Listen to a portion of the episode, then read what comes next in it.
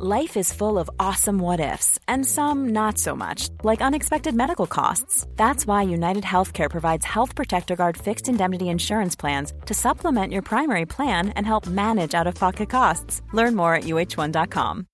Millions of people have lost weight with personalized plans from Noom, like Evan, who can't stand salads and still lost 50 pounds. Salads, generally, for most people, are the easy button, right? For me, that wasn't an option. I never really was a salad guy. That's just not who I am. But Noom worked for me. Get your personalized plan today at Noom.com. Real Noom user compensated to provide their story. In four weeks, the typical Noom user can expect to lose one to two pounds per week. Individual results may vary. This is Paige, the co-host of Giggly Squad, and I want to tell you about a company that I've been loving, Olive and June. Olive and June gives you everything that you need for a salon quality manicure in one box. And if you break it down, it really comes out to $2 a manicure, which is absolutely insane. It's also so easy to get salon worthy nails at home with Olive and June. The difference between how your nails used to look when you did them yourself and now with the Manny system is a complete game changer. The best thing about Olive and June too is it's a quick dry, dries in about one minute, lasts for five days, and full coverage in up to one to two coats. Visit oliveandjune.com slash perfect Manny 20 for 20% off your first system. That's oliveandjune.com slash perfect Manny 20 for 20% off your first system.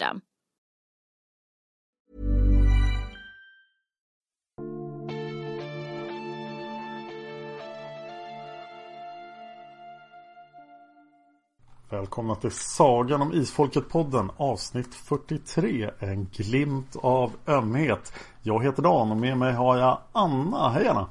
Hej Dan! Hej! Ja, det här var en positiv överraskning. Ja visst var det? Jag kände att jag sveptes med direkt från början och bara tyckte att den var jättebra. Sen så dog det lite grann i mitten. Men överlag så kände jag att det här var en glimt av ömhet, en glimt av hopp. Ja, jag, jag är också ganska nöjd med boken och inte lika orolig Men nu ska vi analysera den i detalj och det var det som gjorde mig mest orolig i förra boken Så vi får se vad som händer Ja, men alltså Margit inleder ju jättestarkt. Det är en sån otroligt ödesmättad början. Det var ju den som bara drog in mig direkt. Jag hade glömt att början var så bra. Isfolkets svartaste dag. Och jag bara kände direkt i hjärtat att Åh vad jobbigt det blir. Jag älskar er allihopa. Vad kommer hända? Fast jag vet vad som händer. Jag kan inte låta bli att tycka att det här är en av Margits absolut starkaste öppningar. Ja, den var jättebra med den här sammanfattningen också bara, Åh, hur ska det gå för alla? Och jag tror att just i det här skedet av sagan så behöver vi mycket sammanfattningar för att det är väldigt mycket att hålla koll på. Ja, det är det ju ehm, Ja, då hoppar vi in då Vad händer härnäst? Ja, ska vi se. Om vi börjar då. Vi har Tova och Ian som springer för livet genom skogen. Vi har Marco som har störtat ner i forsen för att idioterna inte vaktade reper ordentligt. Ja, Vi har Gabriel som ligger medvetslös på en klippa för att Ulvedin inte kan hjälpa honom, svartänglarna inte vill hjälpa honom. nej Vi har Ellen som har blivit mystiskt bortsved till det stora svalget. Ja, och fortsatt vara där hela boken Så det stora svalget, mysteriet kvarstår Ja, vi får ingenting från Ellen alls. Och det är lite oroväckande. Och sist men inte minst har vi Nathaniel som ligger på sjukhus skadad av granaten. Och lite välter sig i någon slags självömkan slash, slash jag saknar Ellen-ömkan. Ja, stackarn Ja, jag kan inte riktigt tycka synd om honom för jag tycker mer synd om hela Isfolkssläkten. För nu så är ju Tengil Onde inne på Lindalen. Ska vi rädda Gabriel först? Måste vi det? Ja, för det är så lätt gjort Ja, En av alla dyker upp och räddar honom Och den här Ja. gången är Rune och bara ja Så iväg med honom till sjukhuset Hamnar bredvid Nathaniel kan de ligga där och vara eländiga tillsammans min reflektion det här. När länsmannen och doktorn, de här karlarna som har sett Marco störta ner till forsen och de bara Åh nej, vi passar inte på repet. Varför var det ingen som kollade någonting? Så kommer Rune bara, jag kan gå ner. De bara Okej, vilt främmande människa som ser jättekonstig ut som kommer ut i skogen. Absolut, du fixar det här. Ja, men det funkar ju bra Ja men vart är analysen i det här? Det kunde lika gärna varit han som kapat av repet som kom ut i skogen och skulle gå ner och sen stabbade Gabriel till döds. Innan du sa det så var jag lite imponerad av så här, samhällsfunktionerna fungerade här och det var en massa involverade människor från Ja, från myndigheter Ja. Och sedan så föll det för att de inte tänker. Okej, över till Linda Len. Ja. Oh, det här är jobbigt. Det här är nästan det bästa i hela boken tycker jag. Just för att här är ju Tengil onde verkligen läskig. Och eh, Benedikte förstår vem man är direkt. Och ja, jag tycker det är jättebra scen. Här är han ju ett hot. Och jag tycker det är så otroligt gripande när Benedikte först skickar iväg då Mali och sen står och är så medveten om att nu kommer jag dö. Ja, och vi vet ju att det inte är så himla farligt när hon dör. Det blir bättre för henne i princip. Ja, det blir ju det.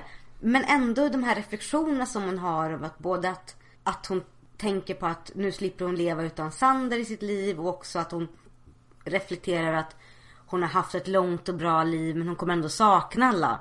Det är det är så ett litet stycke i boken men det är så starkt och särskilt som vi känner Benedikte så väl. Ja, hon har ju varit med hur länge som helst nu. Det blir jobbigt. Även fast vi vet liksom att ja hon kommer stryka med och hon stryker ju med. Och det är 14 böcker hon har varit med. Det är mycket. Ja, och sen omedelbara liksom, upptagandet i uh, förfäderskaran.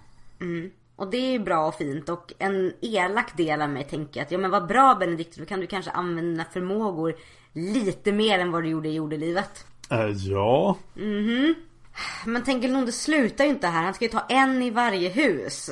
ja och eh, Han är ute efter de andra säger Benedikte Efter barnen, de måste räddas. Och den faran håller vi redan på att eliminera. Men eh, det var inte så himla bra jobbat av förfäderna här Nej. Varför är någon hemma överhuvudtaget? Ja, alla har ju fått en hjälpare. Kan inte de bara svepa iväg hela isfolkssläkten till demonernas fjäll? Ja det är nästan eh, rasistiskt eller vad man ska säga De kanske inte ska ta alla de här ingifta till demonernas fjäll då För det var tydligen inget bra men Ta dem någon annanstans då, låt dem inte vara hemma Nej, precis. Och tänker den gode säger ju att alla hjälparna jobbar jättehårt nu med att få undan barnen i släkten och liknande. Och då känns det som att, ja men, precis som du säger, alla andra. Tänker den onde är ju inte direkt, han väljer och vrakar inte med stil. Han är bara, en i varje hus ska dö, skit i vem det är, nu jädrar. Ja varför en också? Alltså det är väl någon slags symbolik. Jag tänker mig att han, att han vill ju skrämmas. Så då är det som en varning. Lite grann som ja, men i bibelberättelserna om det här. Den förstfödde i varje hus i Egypten dog. Det är märkligt, eh, märkligt barmhärtigt kan man säga Han kunde ju ha dödat alla Ja, jag menar och nu är det förutom Benedikte så är det Hanne som stryker med, Vettles fru.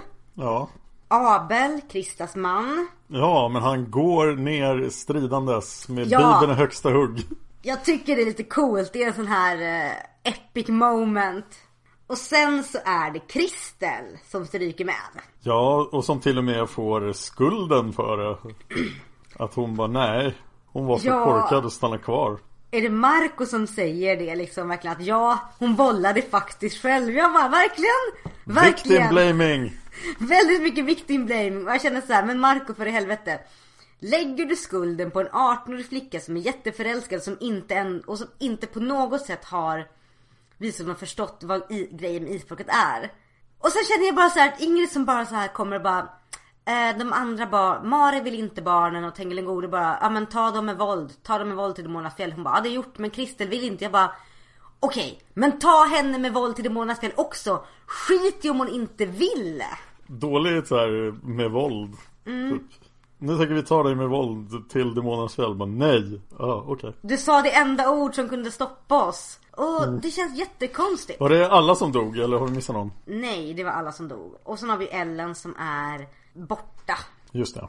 Jag tycker äh, Tengel den onde är väldigt eh, Väldigt mild här. Så här Rickard och Vinny slapp undan och Jonathan och Karine släpp undan. jag bara Mari blev inte dödad.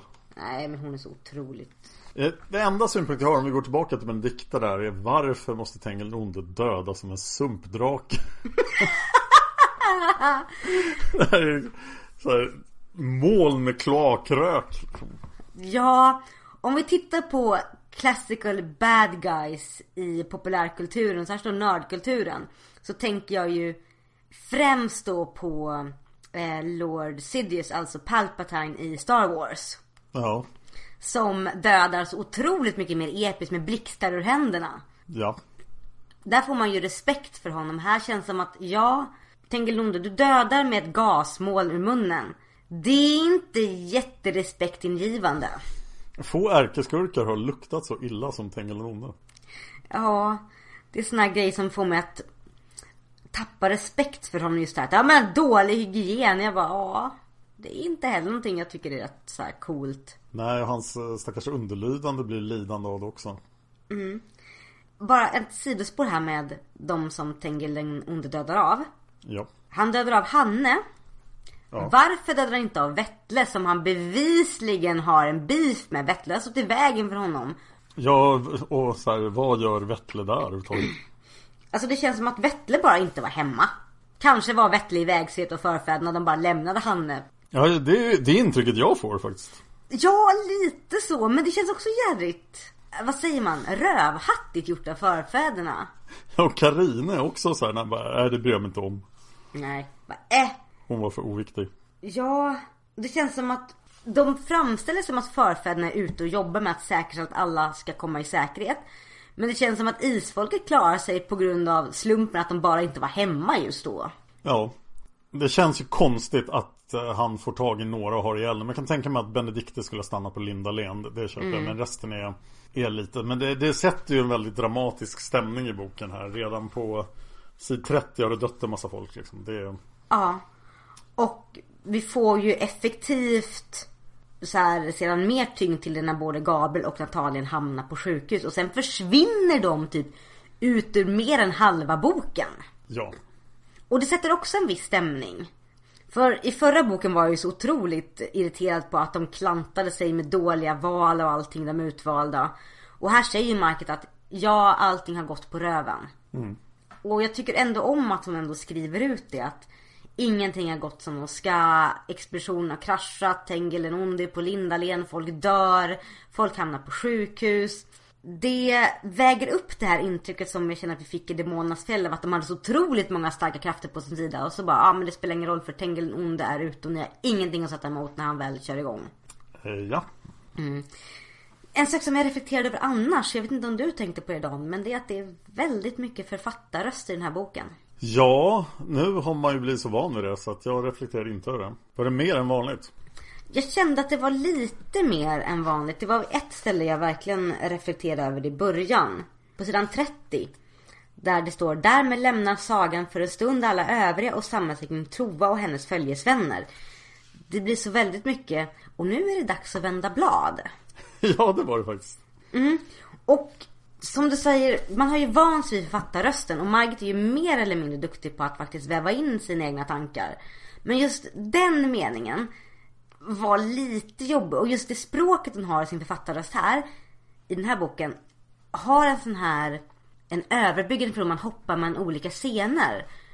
Hade det kunnat göras på ett annat sätt Dan? Du som ändå har skrivit böcker. Jag vet ju faktiskt att jag gjorde nästan exakt så här på ett ställe i en bok. Och eh, det blev eh, väldigt många som störde sig på det. Så att eh, det ska man definitivt undvika. Ja men det, det, det störde mig lite. Det slungade mig ur det här episkheten och sorgen efter de som har dött in att Ja, och nu var det dags för nästa akt i sagan. Faktum är att det, det fungerade på mig. Jag tycker det var ganska bra. Men det var väl därför jag gjorde det själv också. Och, eh, men det är inte värt det i en bok. Det är för många som reagerar negativt på det. Ja, Ayan och eh, Tova träffar eh, Rune och Halkatla. Ja, Och det är ju kul.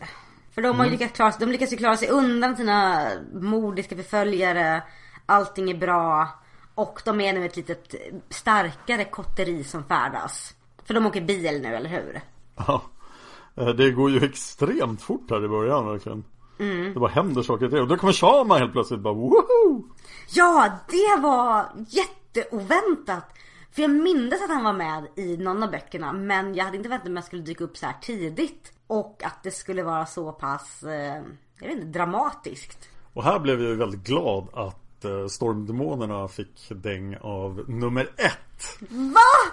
Ja, för att Stormdemonerna var ju eh, otroligt jobbiga i förra boken. Just för att så fort det blev minsta problem så blev det storm och problemet försvann. Ja, men jag tycker det var så, jag tycker det var så hemskt för de Så det verkar så ödesdigert. Vi vet att Ellen är borta.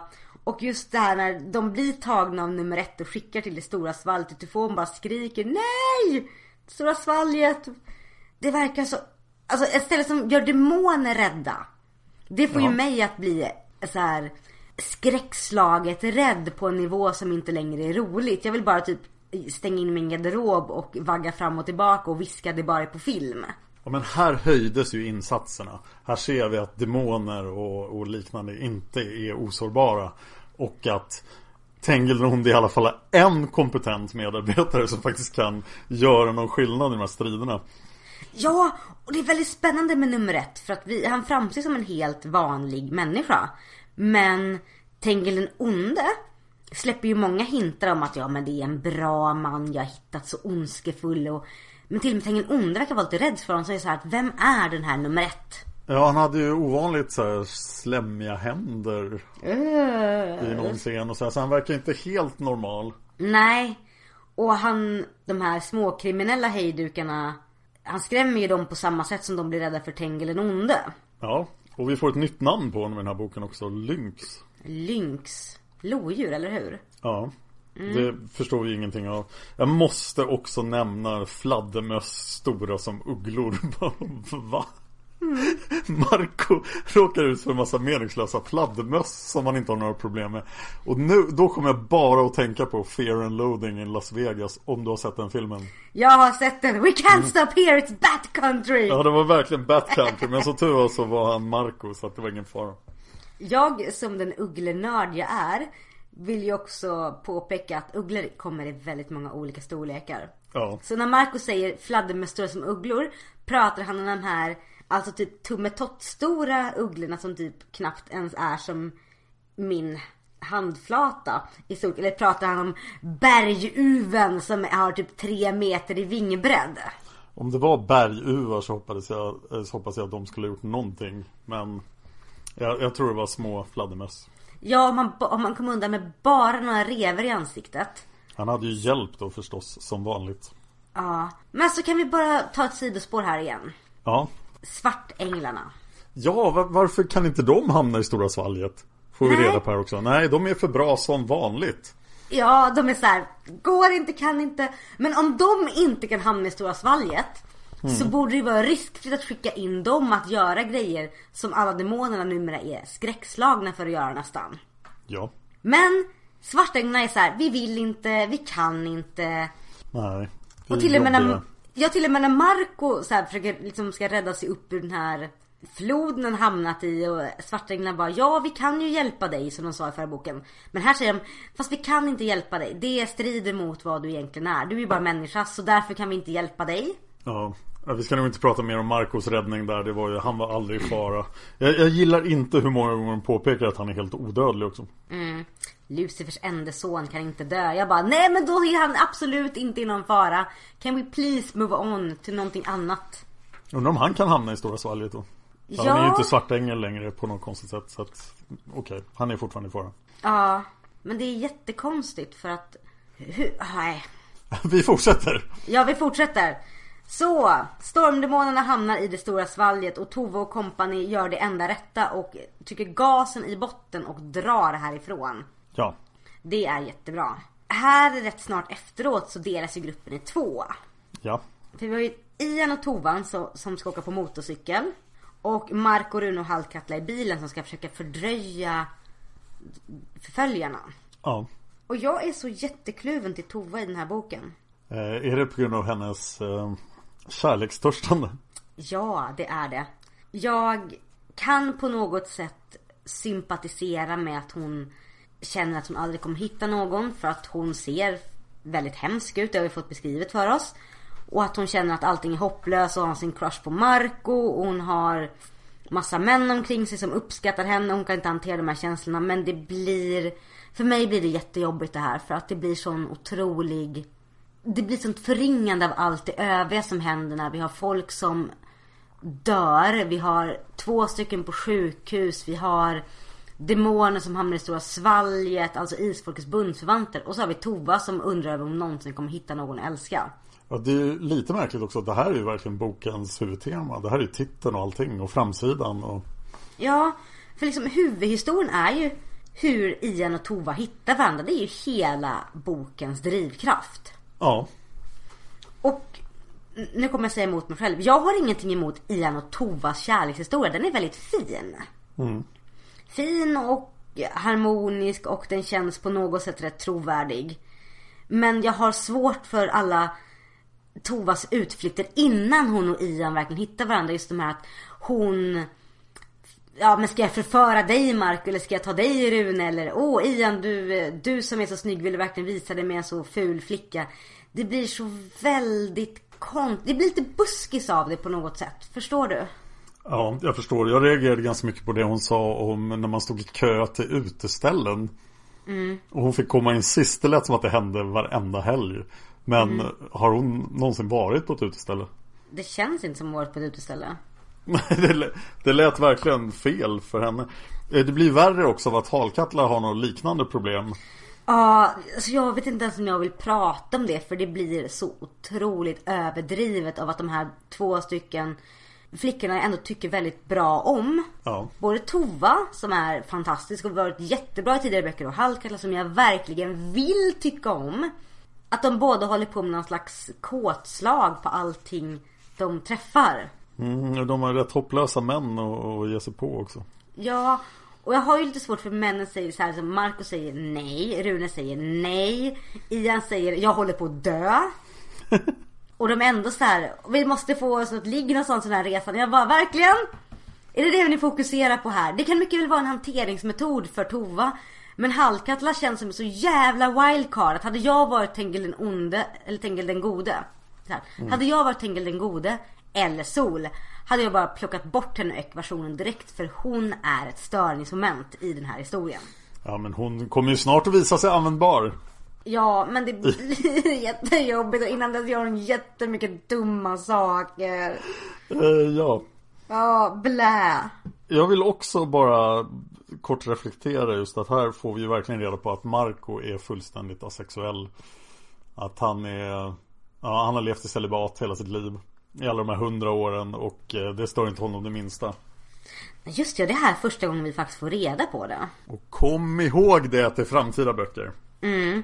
Han kan inte känna den här djupare samhörigheten med någon annan. Nej, man kan inte känna några liksom kötsliga känslor heller direkt. Nej. Han är bara tch, perfekt. Ja. Men han har ju inga problem heller med att som ändå liksom Pussa Tova på munnen. Precis! Så han har inga problem med att visa, alltså uttrycka fysisk uppskattning i liksom platonisk vänskaplig form. Men han, all form av psykisk och fysisk kärlek, kötslig eh, humpa humpa, det går bort. Jag trodde han skulle pussa henne på kinden eller något. Men det här är ju Marcos första kyss. Så det känns jättekonstigt. Ja, på hundra år. Det känns ju ibland om jag tar, tar ett steg tillbaka och granskar det här med mina mest kritiska ögon ser ett gäng personer som är ute på en resa där allihopa vill ha någon form av kärlek. Ja, lite grann känns det som någon road movie för tonåringar. Mm, lite så och det gör mig väldigt ledsen. Jag blir ju väldigt glad just när Ian och Tova börjar sin resa när de åker över Dovre. Heter det Dovre eller Dovre? Dovre heter den, Dovre. tror jag. Förlåt kära lyssnare, förlåt. Men när de åker över Dovre och de så här, funderar över liksom, eller Tova funderar över, ja det var ju här som här har så många risfolk tagit sig fram. När det blir lite nostalgi. Ja, men det är alltid tacksamt. Det gillar vi. Det gillar vi jättemycket. Och Margit är skicklig på att väva in de här små nostalgitripparna som man som läsare känner att Jag minns det här, och åh det är det här varför isfolket är bra. Men isfolket är också bra för att Margit här skriver en jättefin kärlekshistoria. För Ians och Tovas kärlekshistoria som sagt tycker jag om. Ja. Ja, men det får jag lov att säga. Det är två, liksom, den döende mannen och den jättefula kvinnan. Som ser ut som någon som skulle vara med i Miss Universum på framsidan. Ja, vad är detta? Vad Jag är det? har ju Och- nämnt tidigare att Margit klagade över framsidorna. Speciellt på de här, de sista böckerna. Men eh, här kan ju inte han som gjorde framsidan ha haft en aning om vad boken handlar om. Nej, Tova beskrivs ju som att hon har trollöron. Som hon döljer genom att hennes hår ligger i vilda lockar. Kvinnan på framsidan har inga trollöron och hon har platt svart hår. Och hon har också Alltså det vi ser av hennes ansikte med läppar och näsa ser ju väldigt, som du säger, Miss Universum ut. Hon är jättesnygg. Ja. Men han, han som målar kan ju inte haft någon som helst koll. Det måste bli någon felkommunikation. Eller så tyckte förlaget bara, vi kan inte ha en ful kvinna på omslaget. Vart har världen tagit vägen? Det konstigaste är att eh, efter beskrivningen av Ian så tycker jag att det stämmer ganska bra på honom på framsidan. Ja! Det stämmer bra alltså, men Tova ser ju inte ut som Tova. Nej, inte det minsta. Och det finns ju inget annat par som har en sån här scen i hela boken så det måste vara Ian och Tova. Ja, det är klart det. Och det är jätte, jättekonstigt. Och miljön runt omkring passar in också på scenen. Ja. Också sidospår. Det här är en sån här bok som är jättedålig att läsa på spårvagnar och tåg. För att omslaget får verkligen folk att haja till. Ja, fortfarande bättre när Villemo springer omkring naken. Ja, ja den, bok, det, den bokomslaget är också fel. Nostalgitrippen den är så långtråkig för Moorhan så han kollapsar på motorcykeln. Ja, och sen blir det massa så här, ja. Alltså konceptet. Du har en lungsjuk man som åker motorcykel. Är det då bra att prata i kall luft? Nej. Nej, men det kan man ju, okej, kanske förlåta henne för att det misstaget var. Han verkade ju vara i ganska bra form där när han körde och sådär. Jag tänkte mig att Ian borde ha haft bättre vett och typ inte svarat på saker. Mm, typ. Men här tycker jag också finns ett enormt plotthål. För här är ju läget jättedåligt då när de eh, har kraschat. Och var är alla förfäder då? Och hjälpare? Alltså vi får ju reda på av Marco och Rune och Halkatla att de flesta av isfolkhjälpare faktiskt håller koll på Tova. Men de hjälper ju inte till så det känns som att de sitter på någon slags åskådarbänk och äter popcorn och bara Har de dött? Nej, nej men då är allting bra, allting är lugnt. Ja verkligen bara s- släpar dig till stugan bara hon klarar det, yes! Go Tova! Och jag tycker förfäderna lägger lite för mycket vikt vid det här att ja men om ni säger att ni vill ha hjälp så kommer vi. Men om de ändå är där och bevakar och håller ett öga på det. Hur stor effort är det att bara så här någon av häxorna kan bara komma dit och trolla så att Tova slipper släpa på Ian med sin stukade handled. Ja eller skicka dit någon demon som gör det. Ja, det känns som att det är så väldigt obalanserat. Och sen kommer en jätterecap av hela Isfolksagan som eh, kändes lite onödig. Jag förstår att hon berättar den för honom men varför berättar hon den för oss?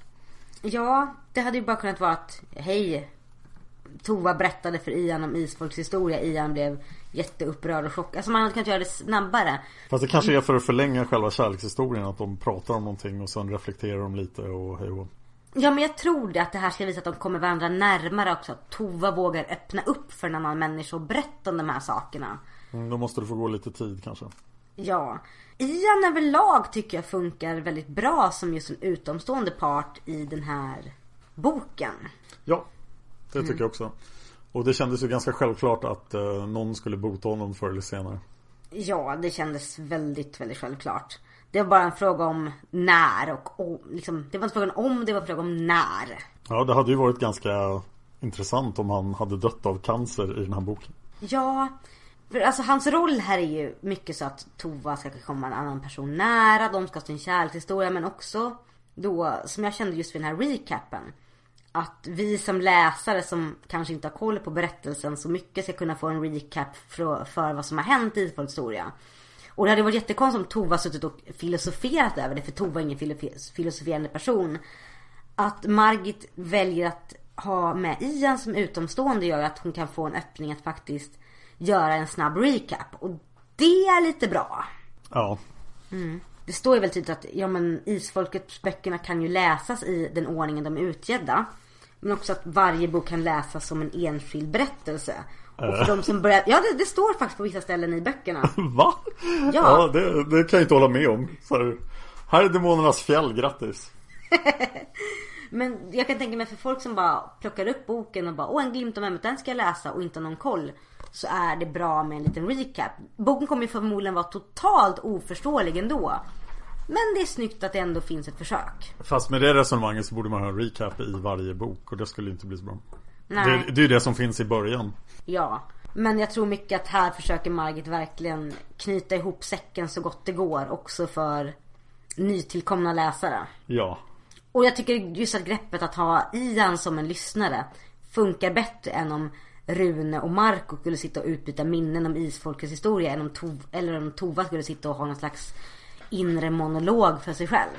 Ja, det hade ju varit fruktansvärt så att visst är det bättre än det. Mm. Ja, har vi kommit fram till pansarmannen nu? Ja, nu kör vi pansarmannen. Ja, jag hade ju, jag vet inte om jag fört det här resonemanget i podden men jag har diskuterat det mycket i övrigt att eh, manliga onaniscener är ju ganska svåra att skriva liksom. Man skriver om kvinnlig onani så, så blir det vackrare på något sätt men manlig onani är svårt att skriva om och ja, det är det den här scenen är. Alltså det här ögonblicket när Pansarman dyker upp och Hallkatla typ bestämmer sig för att hon ska oskadliggöra honom genom att åh, få honom onanera. För mig var det som skämskudde så jag var så här, jag vill inte läsa. Det blir som buskis, jag orkar inte dagen. Det finns inga buskisar där sånt här händer. Nej, och det är vi glada för. Ja, den här scenen är ju väldigt minnesvärd. Det är, jag tror alla som har läst Isfolket kommer ihåg den här scenen. Ja, och det är som du säger, manlig onani är svår att göra sakral och vacker. ja, verkligen. Och det blir inte bättre att det är pansarmannen och han är jättekorkad. Och sen får han liksom komma samtidigt som han blir upplöst. Ja, och han verkar nöjd med det. Ja. Och så min spontana fråga efter jag hade kommit ur min skämskudde.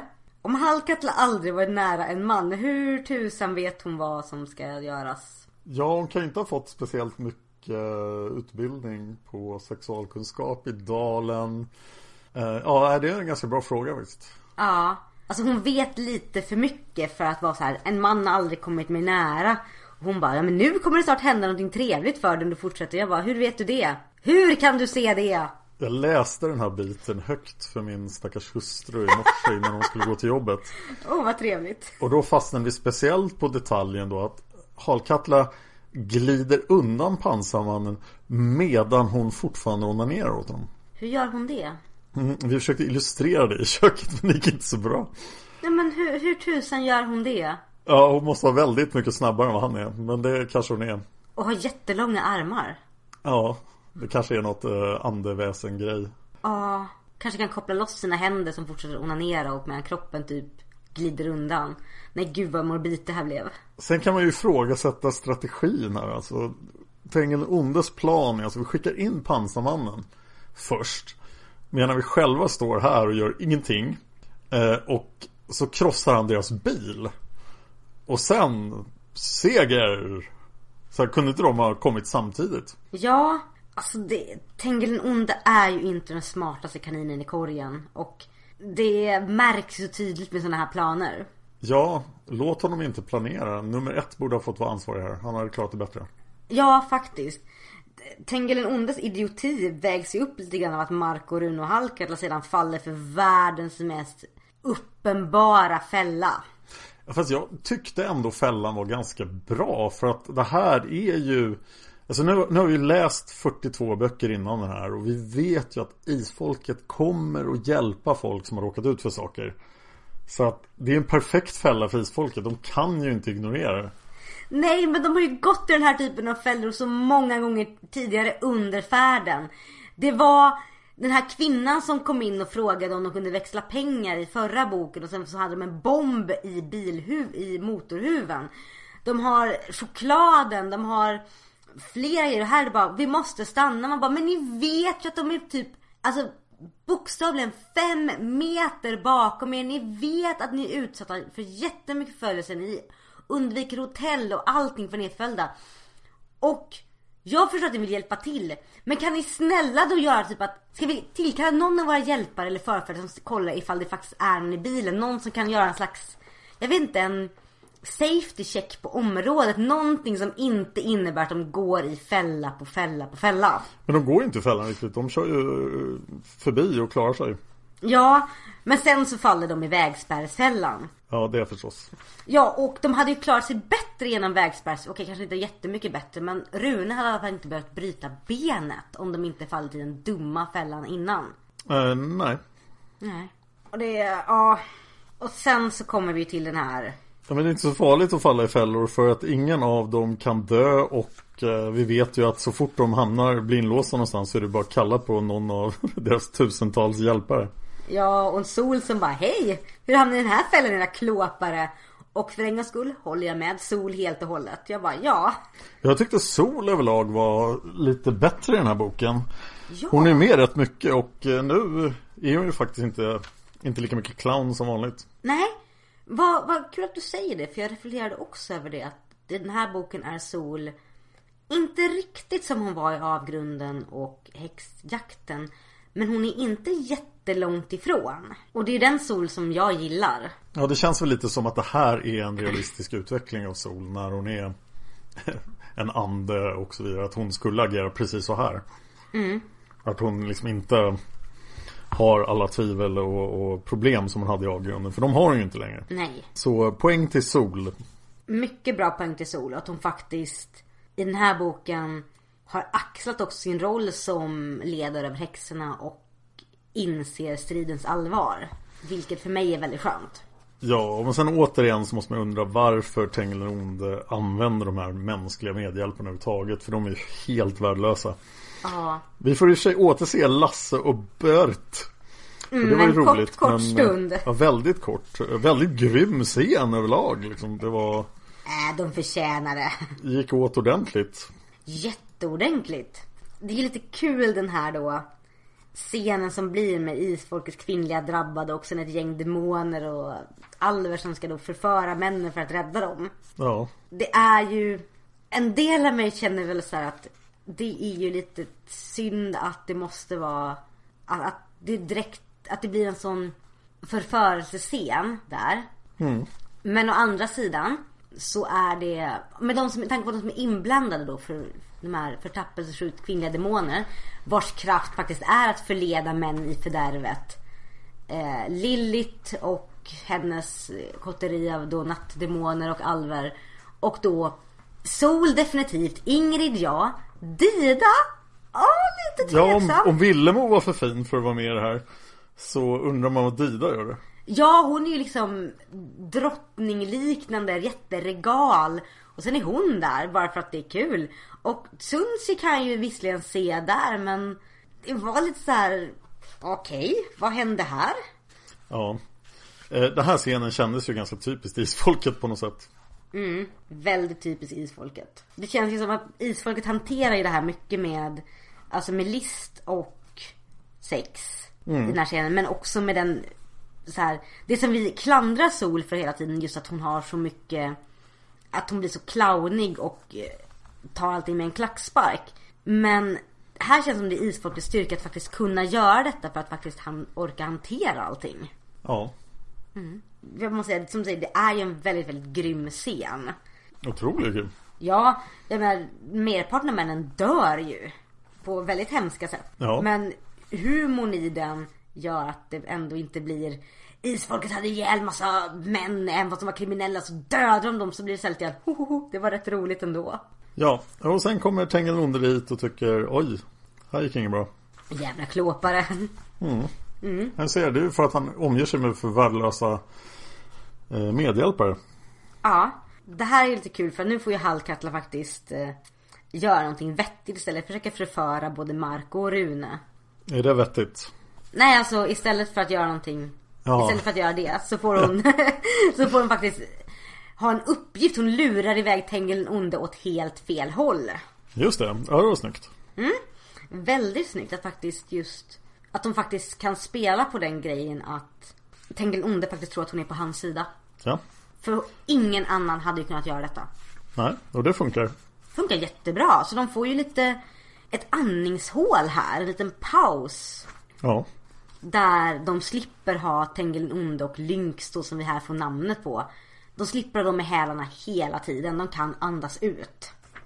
Och så får vi uppleva, vår, så får vi uppleva vårstigen lite grann och sådär och det är fint och... Var, det, var det en grej? Kommer vi ihåg någonting som heter Vårstigen? Ja men det var ju den här eh, Vi kommer inte ihåg den jättemycket men det Men de har säger här att vi kommer ihåg den men jag kommer inte ihåg den. Nej, alltså det var ju den stigen som eh, Silje och Charlotte Meiden och Tengel och barnen färdades på när de skulle från Ja, ja det förstår jag. Men hette den Vårstigen då? Jag tror att den hette det. Gjorde inte Silje en bonad där hon beskriver Charlottes resa över vårstigen? Ja, vad bra. Då är det bara jag som har glömt det. Mm. Jag är inte helt säker. Kära lyssnare, ni får jättegärna säga till ifall jag har fel. Men jag minns att vårstigen var en grej. Ja. Påminn oss om det var det eller inte. Ja. Och sen så har vi äntligen någon slags, eh, vad säger man, utvalda återförening. Ja. Ja. För då har Ian och Tova tagit sig så långsamt framåt att Marco och Halkatla och Rune äntligen hinner i fatt. Precis. Och eh, ja, då kommer vi då till bokens huvudscen. Mm, en glimt av ömhet, en glimt av sex. Ja. Det här är nog en av de finaste skrivna kärleksscenerna jag tror i hela sagan. Ja, den är jättebra faktiskt. Den är väldigt tafatt och osäker och ja. Men det känns som att den känns väldigt äkta. Ja, och, och väldigt detaljerad. Jag kom, man kommer ihåg att Isfolket hade en massa sexscener som man tyckte oj, oj, oj. Men nu har ju alla känts rätt tama. Men här var det ganska detaljerat ändå. Ja, det var det. Inte särskilt detaljerat, men mer än, eh, mer än vad jag hade väntat mig. Ja, definitivt. Och jag tycker om att eh, den faktiskt känns trovärdig. Att de, hur de liksom börjar liksom närma sig varandra och Tova säger ja men dra, väldigt ovanligt att drabbade får drabbade barn. Och hur de tycker nej men jo men nej men jo. Hur de verkligen är så här. Det, här- det här innan de väl hamnar i säng men fortfarande på hotellrummet. Hela den upptakten känns väldigt trovärdig. Ja, absolut. Och i och med att de ändå haft sin, liksom, sin enskilda resa så känns det Alltså jag kan verkligen tänka mig att de hamnar i säng för att Både för att de båda vill det. Och det är den här som du säger Den dödssjuke mannen och den jättefula flickan. Men också för att de verkligen har byggt upp en vänskap, en förståelse mellan sig. Ja, och sen tycker jag det sätter upp just att eh, Att det blir När han väl blir räddad, Morahan Så finns det här osäkerhetsmomentet. Oj, gjorde han det här bara för att han trodde han skulle dö? Så det, det är bra. Det är väldigt, väldigt bra. Ja, överlag jättebra scen. Ja, Ian är en karaktär som verkligen eh, så här, känns genomsympatisk. Och sen händer det någonting På sid 150 slutar då den här scenen och eh, Tova känner oändlig fred och lycka sjönk in i henne Sen kommer då de fyra orden jag verkligen inte vill läsa i Isfolket Nej. Jag heter Margit Sandemo Wow, wow, man kastas ur What? berättelsen och Ja. allting blev pest. Vad hände med den fjärde väggen? Den fjärde väggen typ gick sönder. Blev insparkad av Margit Ja, och ingen ville det skulle bli insparkad. Och Margit får vi ju bara i ett kapitel här. Ja Men alltså det, jag hade glömt att hon var med i den här boken. Jag hade verkligen förträngt det. Jag hade inte förträngt det men jag hade förträngt att det var i den här boken Och eh, Det är ju en väldigt liten roll Ja, hon agerar skjuts för Gabriel. Ja Men sen Okej Margit, vi vet att du har bra koll på din släkt och, och det har framkommit i den här isfolksagan Så vi behöver inte den här utläggningen Jo, vi behöver uppenbarligen den här jättelånga släktutläggningen. Och det här är jättekonstigt för att jag tycker En glimt av ömhet är väldigt bra skriven i perioder. Ja. Överlag är den fantastisk. Lilla berättarrösten stör mig.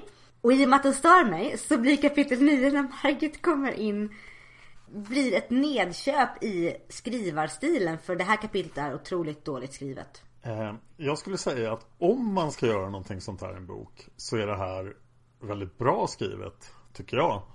Men eh, Man ska inte göra så här i en bok.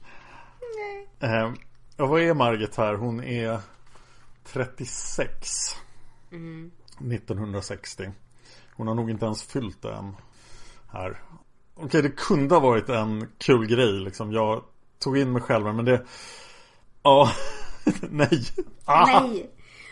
Alltså, jag håller ju inte med att det är bra skrivet. För jag tycker det är Alltså för... då, då, menar jag, då menar jag inte allting som har med hennes släkt att göra. Nej, Om man bortser från det. jag menar liksom att det är en sån finstämd ton i resten av boken.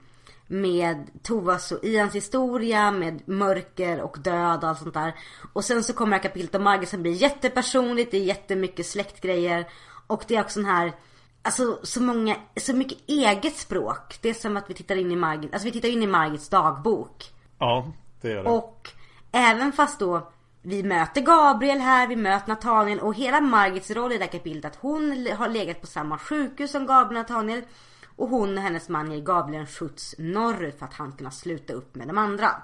Men det blir jättekonstigt. Ja, hon blir ju en utomstående betraktare och det är ju intressant. Men vi har redan en i den här boken. Ja. Och all information som hon pratar om är ju saker vi redan vet. Ja, och vi har fått det Vi har fått som säger Ifolks historia har recappats när Tova gjorde till Ian På ett bättre sätt med en bättre stämning Vi behöver inte allt Ja, varför är det en till recap i samma bok? Ja, och i det här stadiet på sagan så kunde jag bry mig Jag kunde verkligen inte bry mig mindre om hur Cornelia av Erbars är besläktad med Margit Jag hoppade över lite i de här styckena faktiskt. Jag, ja, det ska du vara glad för för jag, jag plågade mig genom allting. Jag kunde inte bry mig mindre om hur Isfolkets två släkter, alltså de här som de har följt åt i Sverige och i Norge förenades och deras resultatet blev Margit. För jag tyckte inte om de släkterna från början. Så nu blir det bara så här, jag bara nej! Nu åker boken i väggen. Men det finns någonting jag verkligen gillar här i det här kapitlet ändå. Och det är Asbjörn. Ja, Margits man, eller hur? Ja, jag hade ju förmånen att tillbringa några dagar i norska fjällen med Margit och Asbjörn. Eh, strax innan han dog faktiskt. Oj. Han dog i slutet på 90-talet och jag eh, dedikerade min första bok till honom. Svärdspel i Hadalon. Ja, just det, ja. Asbjörn var en otrolig kontrast till Margit. För Margit är ju lätt den mest fascinerande människan någonsin träffat. Alltså Ma- Margit bara pratar och man sitter och lyssnar som om det var Gud själv som pratade. Så hon är så otroligt trollbindande verkligen. Asbjörn var väsentligt mycket längre än henne. Och fast han var böjd av ålder när jag träffade honom så var han fortfarande väldigt stor. Okej. Han var dessutom fullständigt tyst så att de här replikerna han hade Han sa mera saker i det här kapitlet än vad jag hörde honom säga under de här dagarna Oj. Ja det var i princip hej och så sa han saker till Margit eh, Men eh, Ja det var kul att återse honom här i alla fall Och det blev en helt annan känsla när man faktiskt hade träffat människan Det kan jag tänka mig. Det är jätteintressant att höra dig berätta det här för man har ju en bild av Asbjörn när man läser boken. Och det är så fascinerande att få lite mer så här en utvecklad bild av det.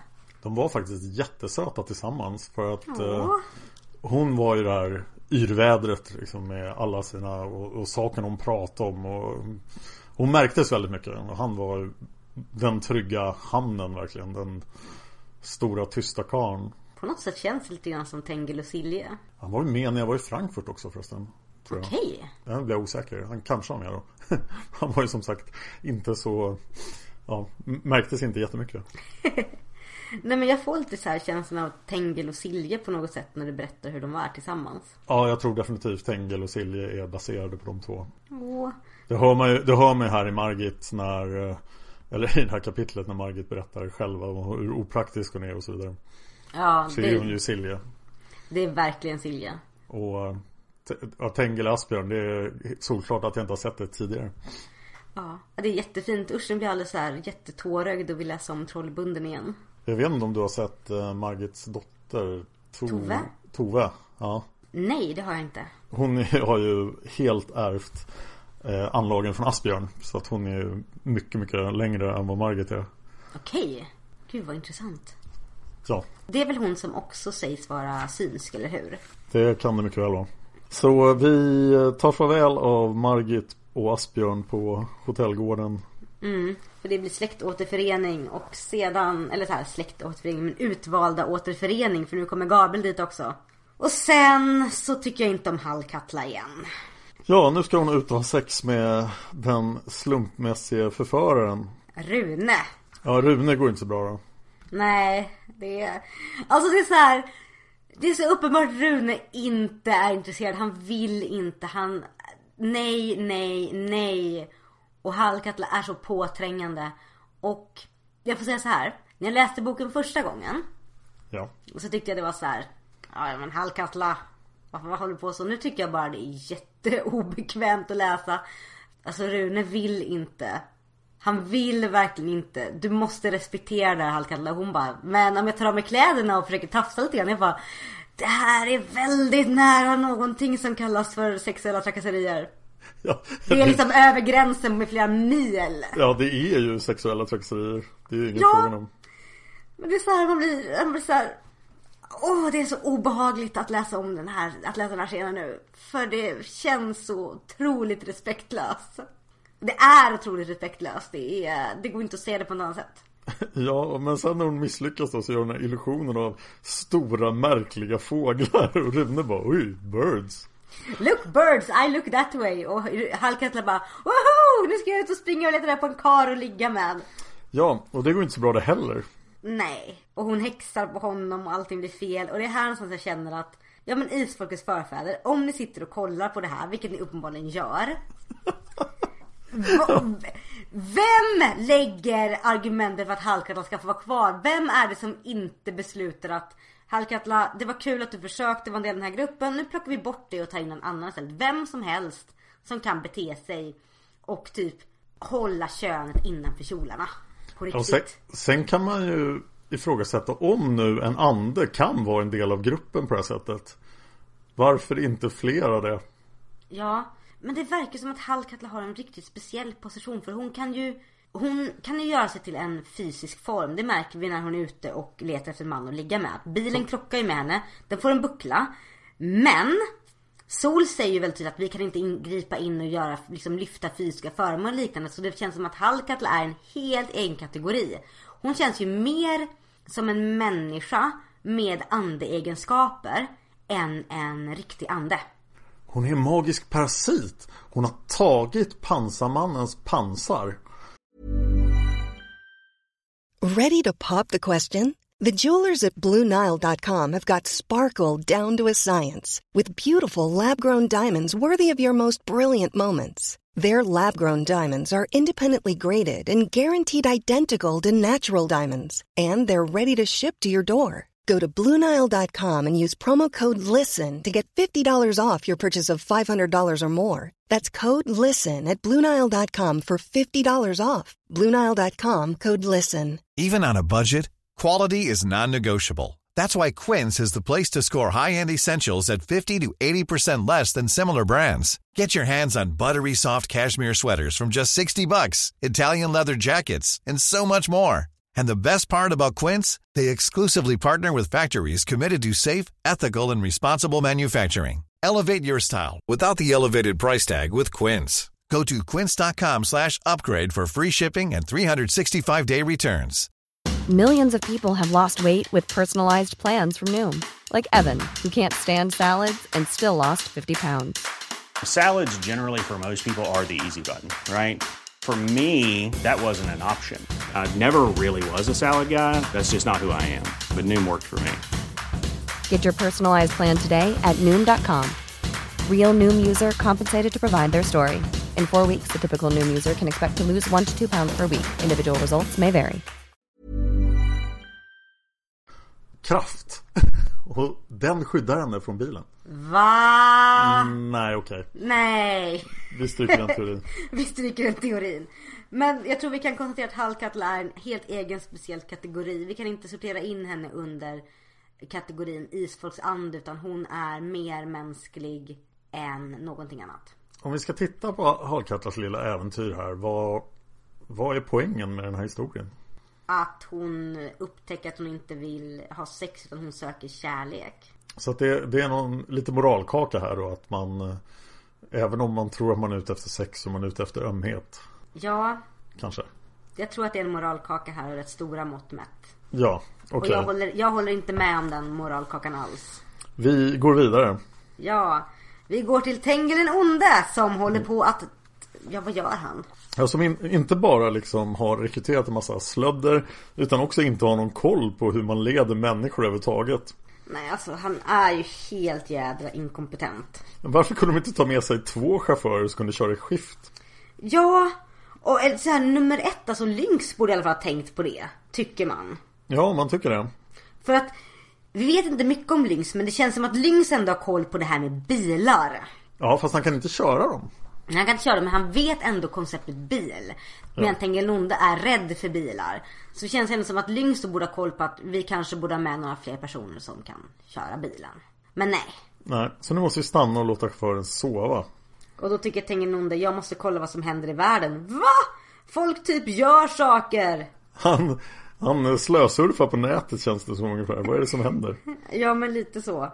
Och orsakar U2-affären. Det, det är ju en, det är en otrolig kraft han har här Ja. Han kan alltså bara upptäcka så här intressanta händelser Och sen kan han påverka dem Ja, och det är här man verkligen får en glimt av Tengil den ondes sanna kraft och hur otroligt farlig han kommer bli när han väl får tag på det svarta vattnet. Ja för när han orsakade första världskrig Då var han i alla fall tvungen att vara fysiskt där. Eh, Men här har han bara Ja Total medvetenhet om allt och kan Förstå. Han, har, han är ju dum i huvudet så han förstår inte riktigt Men han lyckas lista ut att kalla kriget pågår och så här kan man sabotera det.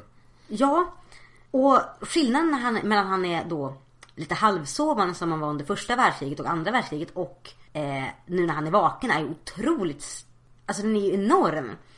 Och jag tänker mig att jag borde vara mera rädd för honom än vad jag är men jag kan inte riktigt vara rädd för honom. Han var mycket läskigare när han var inne på Lindalen än vad han är nu på något sätt. Men jag fruktar ju när han kommer till makten. Jag tycker han är ganska otäck i den här scenen just för att han verkar så enormt mäktig Men han har, alltså det är ju han, att han framstår, att han samtidigt framstår som så otroligt dum och inte har koll på saker.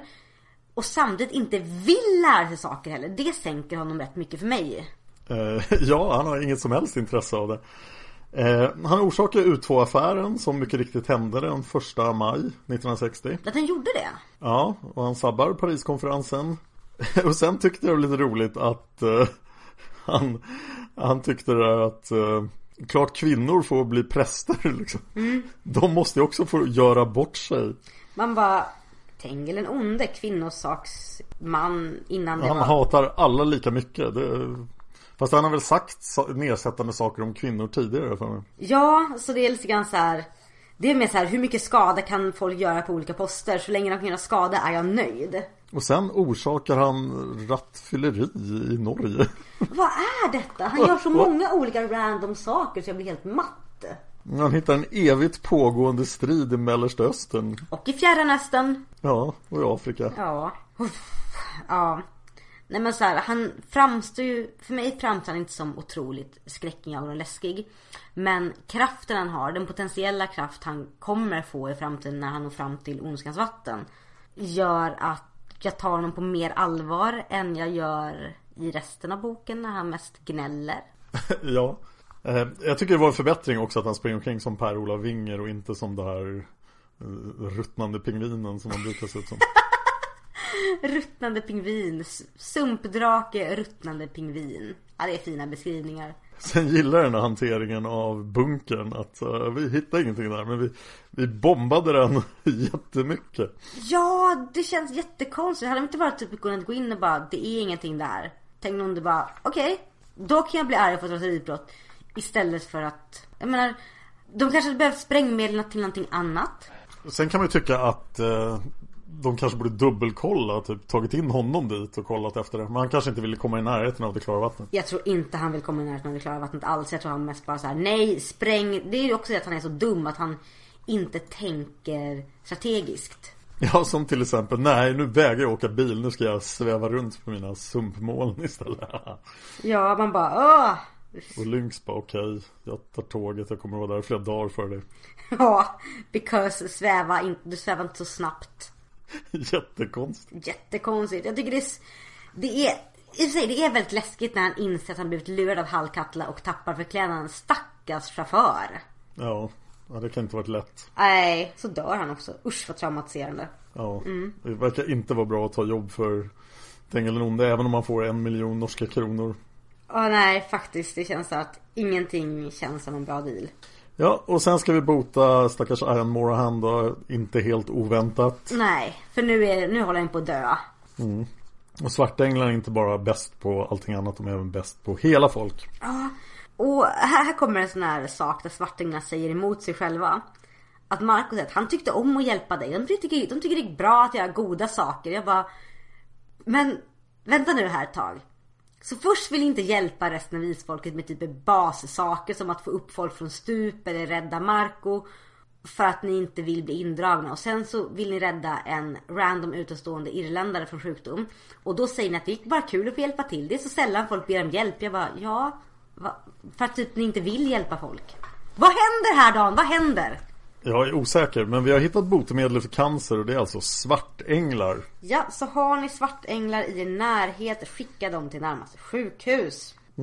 Eller vänta till Lucifer kommer då, men det tar ett tag till. Det tar ett tag till. Åh, oh, det är så långt kvar. ja. ja, vad ska man säga? Ayan lever igen och då blir den här omedelbara osäkerheten då. Hur kommer han att ställa sig till Tova? Mm, men det funkar ju fint. Mm, det ser bra ut men eh, ja, vi får inte se jättemycket av det. Nej, men han blir i alla fall, han gör inte i alla fall inte den här klassiska rövasgrejen bara. Jag tyckte bara om dig för att du var en tjej som vill ligga med mig och du är för ful för mig så nu drar jag. Han är ju ingen rövass. Nej. Så eh, jag har lite hopp. Deras kärlekshistoria kan funka fint men vi får se. Och nu efter hur många sidor som helst så gör ju Nathaniel äntligen intåg i berättelsen igen. Ja, alltså Nathaniel åkt tillbaka till för begravningarna. Och den Det har han tid med. Ja, och Gabriel fick inte vara med på den. Nej. Fast i och sig, han, alltså om vi tänker så här. För Gabriel var det ju bara, okej det var hans farfar och hans mormor som dog. Alltså det var ju Hanne och det var Abel. Ja. Men för Nathaniel så är det ju faktiskt hans far som har dött. Ja, det tyckte jag var fint att man fick lite om den relationen. För den har ju inte framgått särskilt mycket alls. Nej. Men nu har de lyssnat på oss och våran podd för nu kommer Targenor ihåg att han kan transportera folk. Ja, äntligen. Men innan vi transporterar folk Ja, så måste vi ta det lilla, lilla viktiga ögonblicket. För det här ögonblicket som händer nu, när Nathaniel är på Lindalen, ändrar ju hela historien. okej. Minns du att Ulverin sa att han varit typ full en gång och strövat runt och sett någonting i ett glasfönster? Ja, Och Nathaniel bara, jag tar det på allvar. Ulverin bara, jag var typ full. Eh, men gör det. Kolla på glasfönster på Lindalen. Och Nathaniel gör ju detta. Mm, han kollade sin questlog så stod det Kolla fönstret på Lindalen. Men jag är ju vid Lindalen, vad praktiskt. Det. Och han ser ju någonting. Han ser Ja. ett kvinnoansikte. Som flimrar jättesnabbt förbi. Och här blir också fint för nu tillkallar han Benedikte. Mm, som borde kunna känna av fönstret då eftersom det är hennes kraft. Eh, ja, det känns jättekonstigt det här. Men ja. det gör hon inte. Nej, det gör hon inte. Eh, det känns jättekonstigt att hon inte har tänkt på det innan eller någonting. Hade jag varit Benedikte hade jag gått och tagit på alla föremål någonsin. Det kanske är ganska obehagligt. Eh, ta på allt. Ta på allt. Ta det, är, på det är allt. budskapet från det här poddavsnittet. Gå och ta på allt. Inte på alla för det är föremål du rör och inte människor. Men ta på allt.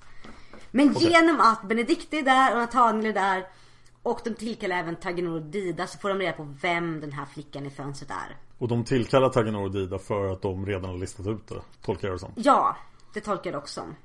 Och det är alltså Tili, Mm. Didas dotter, Tagenors syster, som på något sätt har bett Tengil och Silje om hjälp när de gick förbi 300 år efter att hon försvann.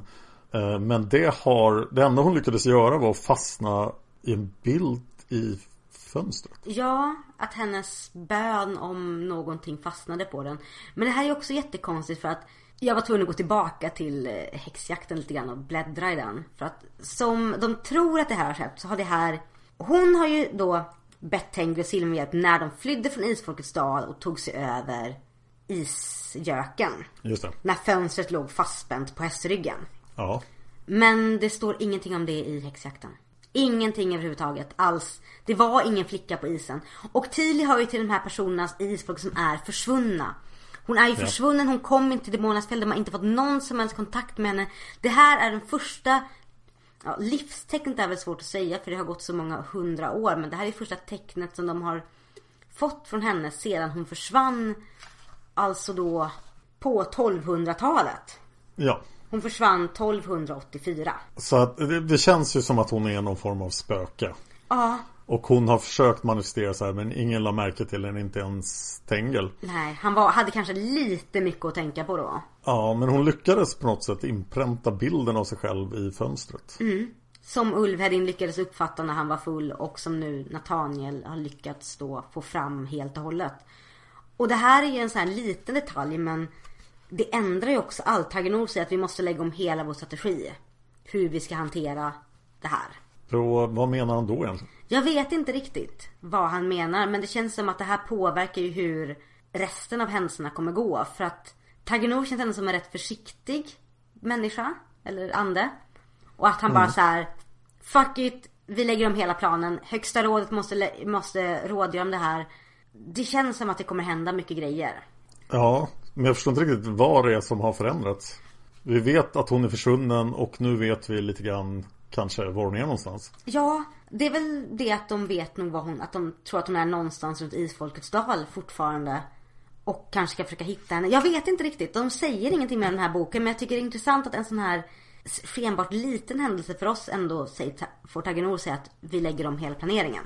Ja, det var oväntat. Och eh, man har ju fortfarande här i bakhuvudet att om om allting lyckas som de ska göra då kommer ju alla andar att försvinna. Förmodligen hon också. Ja, Om hon nu är en ande. så det känns ju som att varför inte bara fokusera på huvudquesten istället för de här små sidequesten som är då att hitta Tili. Jag känner ju ädlare ändamål att bli distraherad än Tovas distraktioner. Men Och Hallkatlas distraktioner.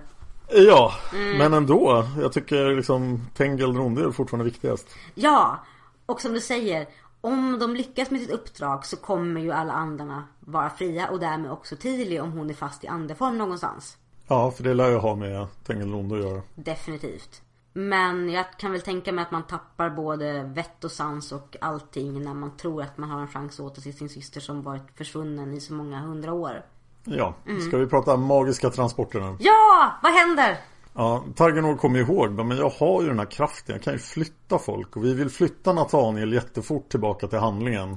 Ja, because För- det hade varit jättetråkigt om han sitter fast där i flera... Alltså han sitter fast på tåg och allting. Och då kan man ju tänka sig lite om man försöker rädda det här att eh, okej, Targanor kanske bara kan förflytta en person var tionde år. Men det, det är ju inte Targanor som förflyttar honom heller utan nu blir det Svartängel Express. Ja. Och nu kan Svartänglar gripa in på en helt annan nivå. Ja, varför flyttar de inte allihop till fjällen omedelbart i förra boken? Jag förstår inte det. Alltså alls. Om det bara gäller svartängelättningar, kunde man inte bara typ ställt Nathaniel i mitten alla kunde fått hålla en hand på honom och sen hade de kunnat typ lösa det på det sättet? Det kanske är någonting sånt att det bara går med Svartängelättningar.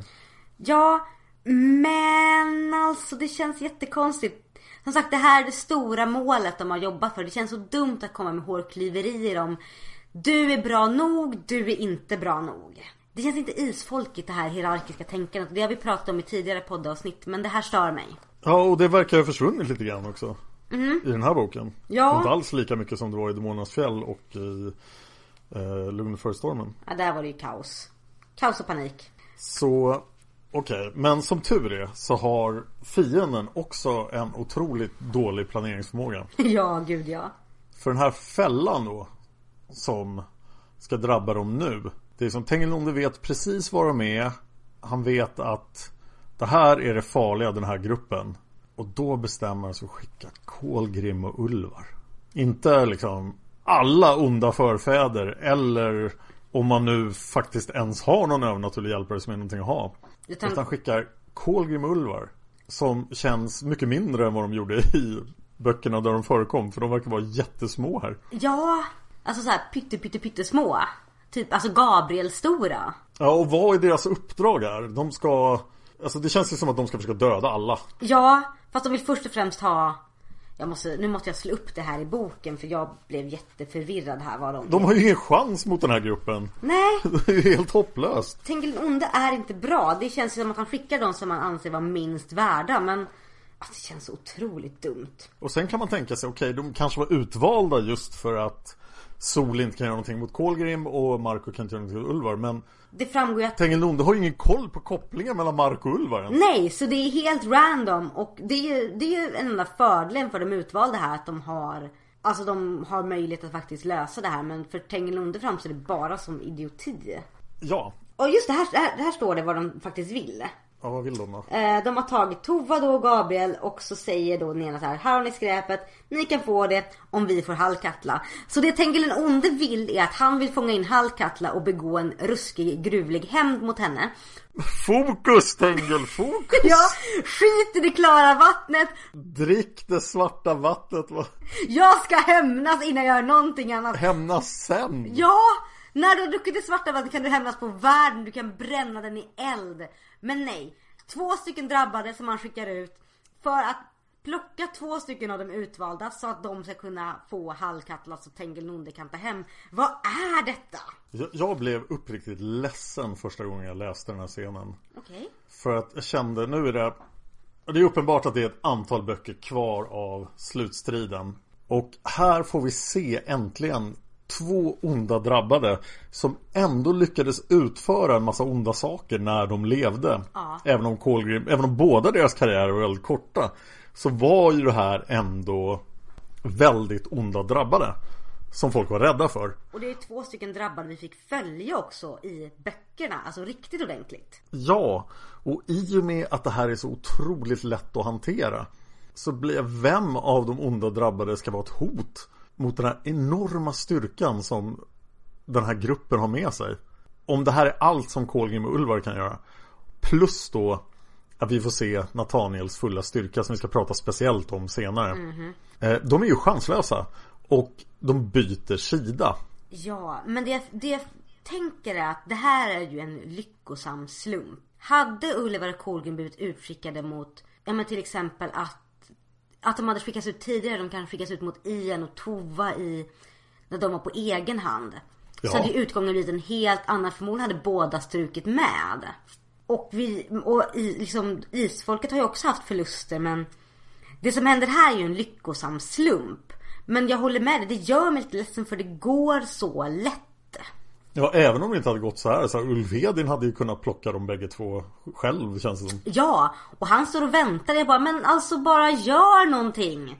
Jag bara, du, Ulf Hedin måste också framstå som skitläskig för Kolgrim och Ulvar om han bara hade typ visat sig. De hade ju typ rämnat av pinn med en gång. Ja.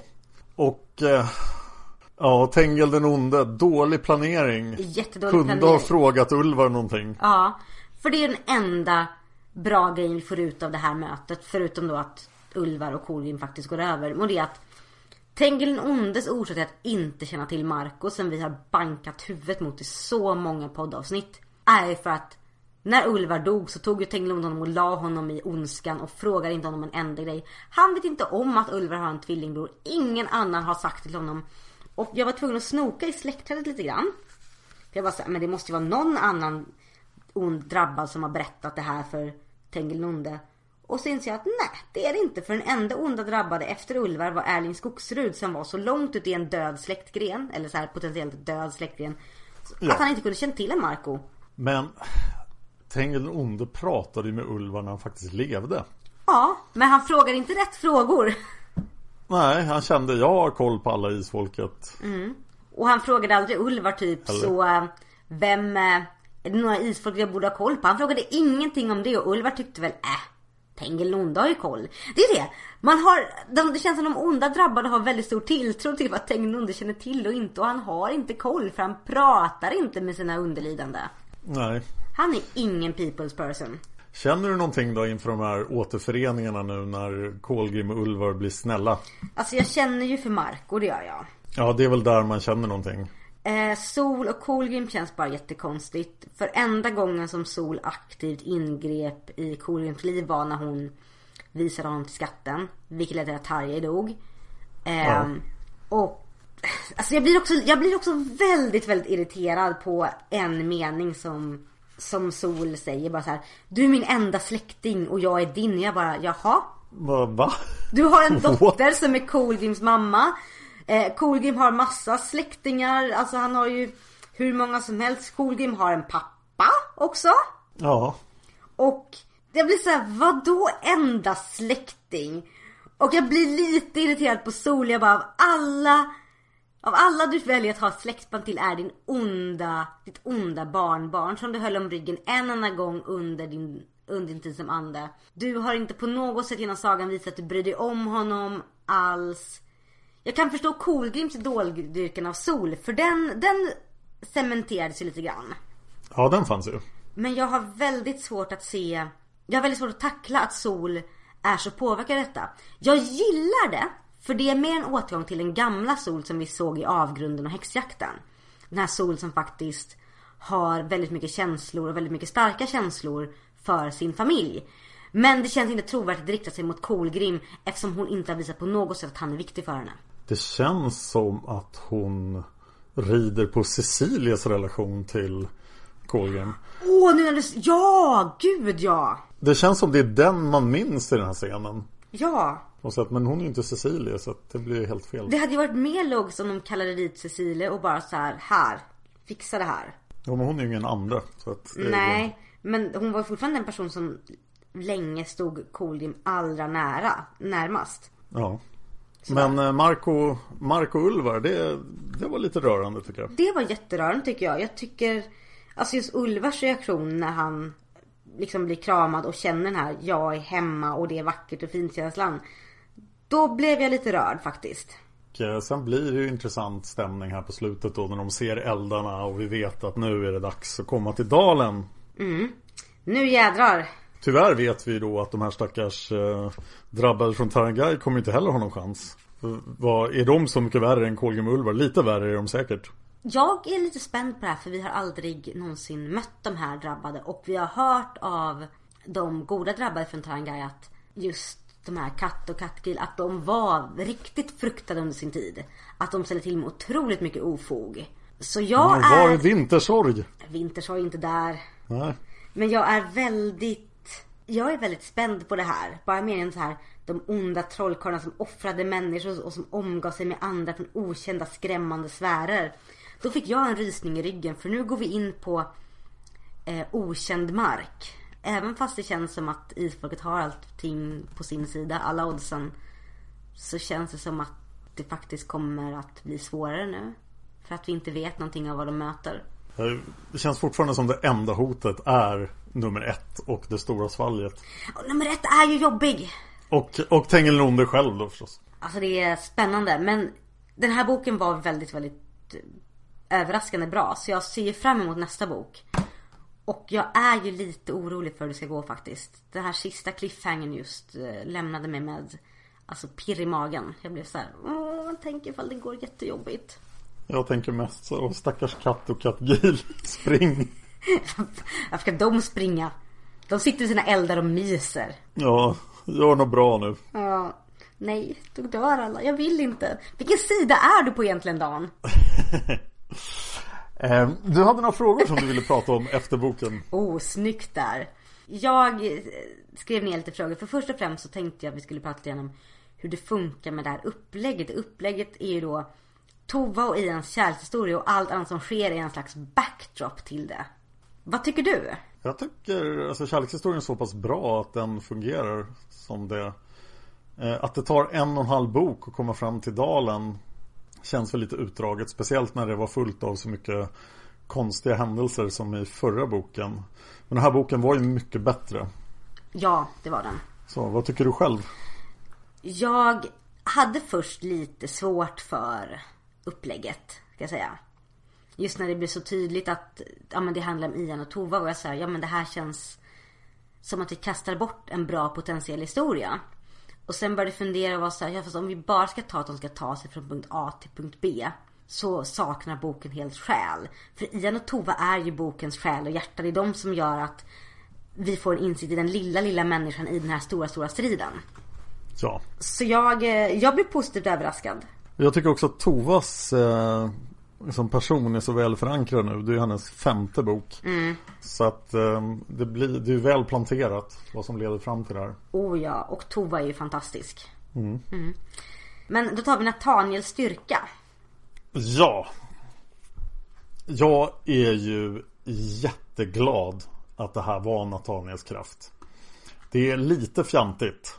Men det är ändå jättebra för vi har väntat på den utvalde så otroligt länge.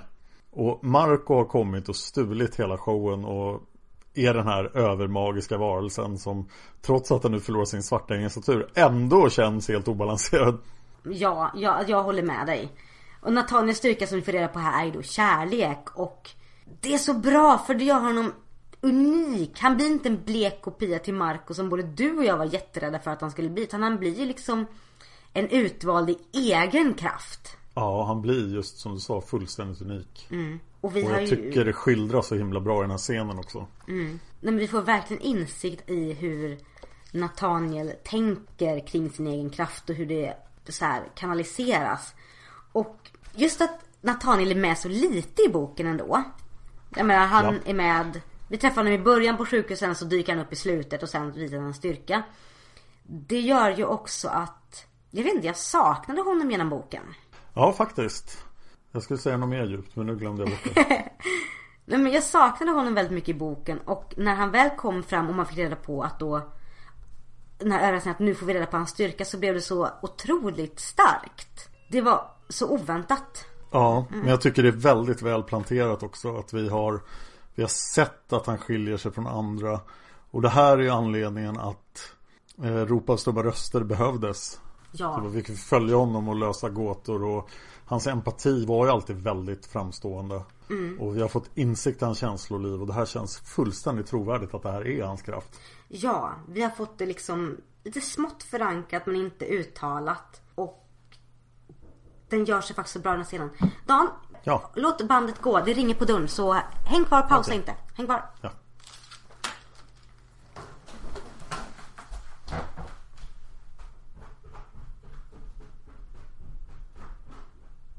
Det var fest, fest och isfolk super mest i våran fjälldal, i våran fjälldal. Det var fest, fest och isfolk super mest i våran kära fjälldal. Jag är så ful, jag luktar skit, jag har ej med mig skatten hit.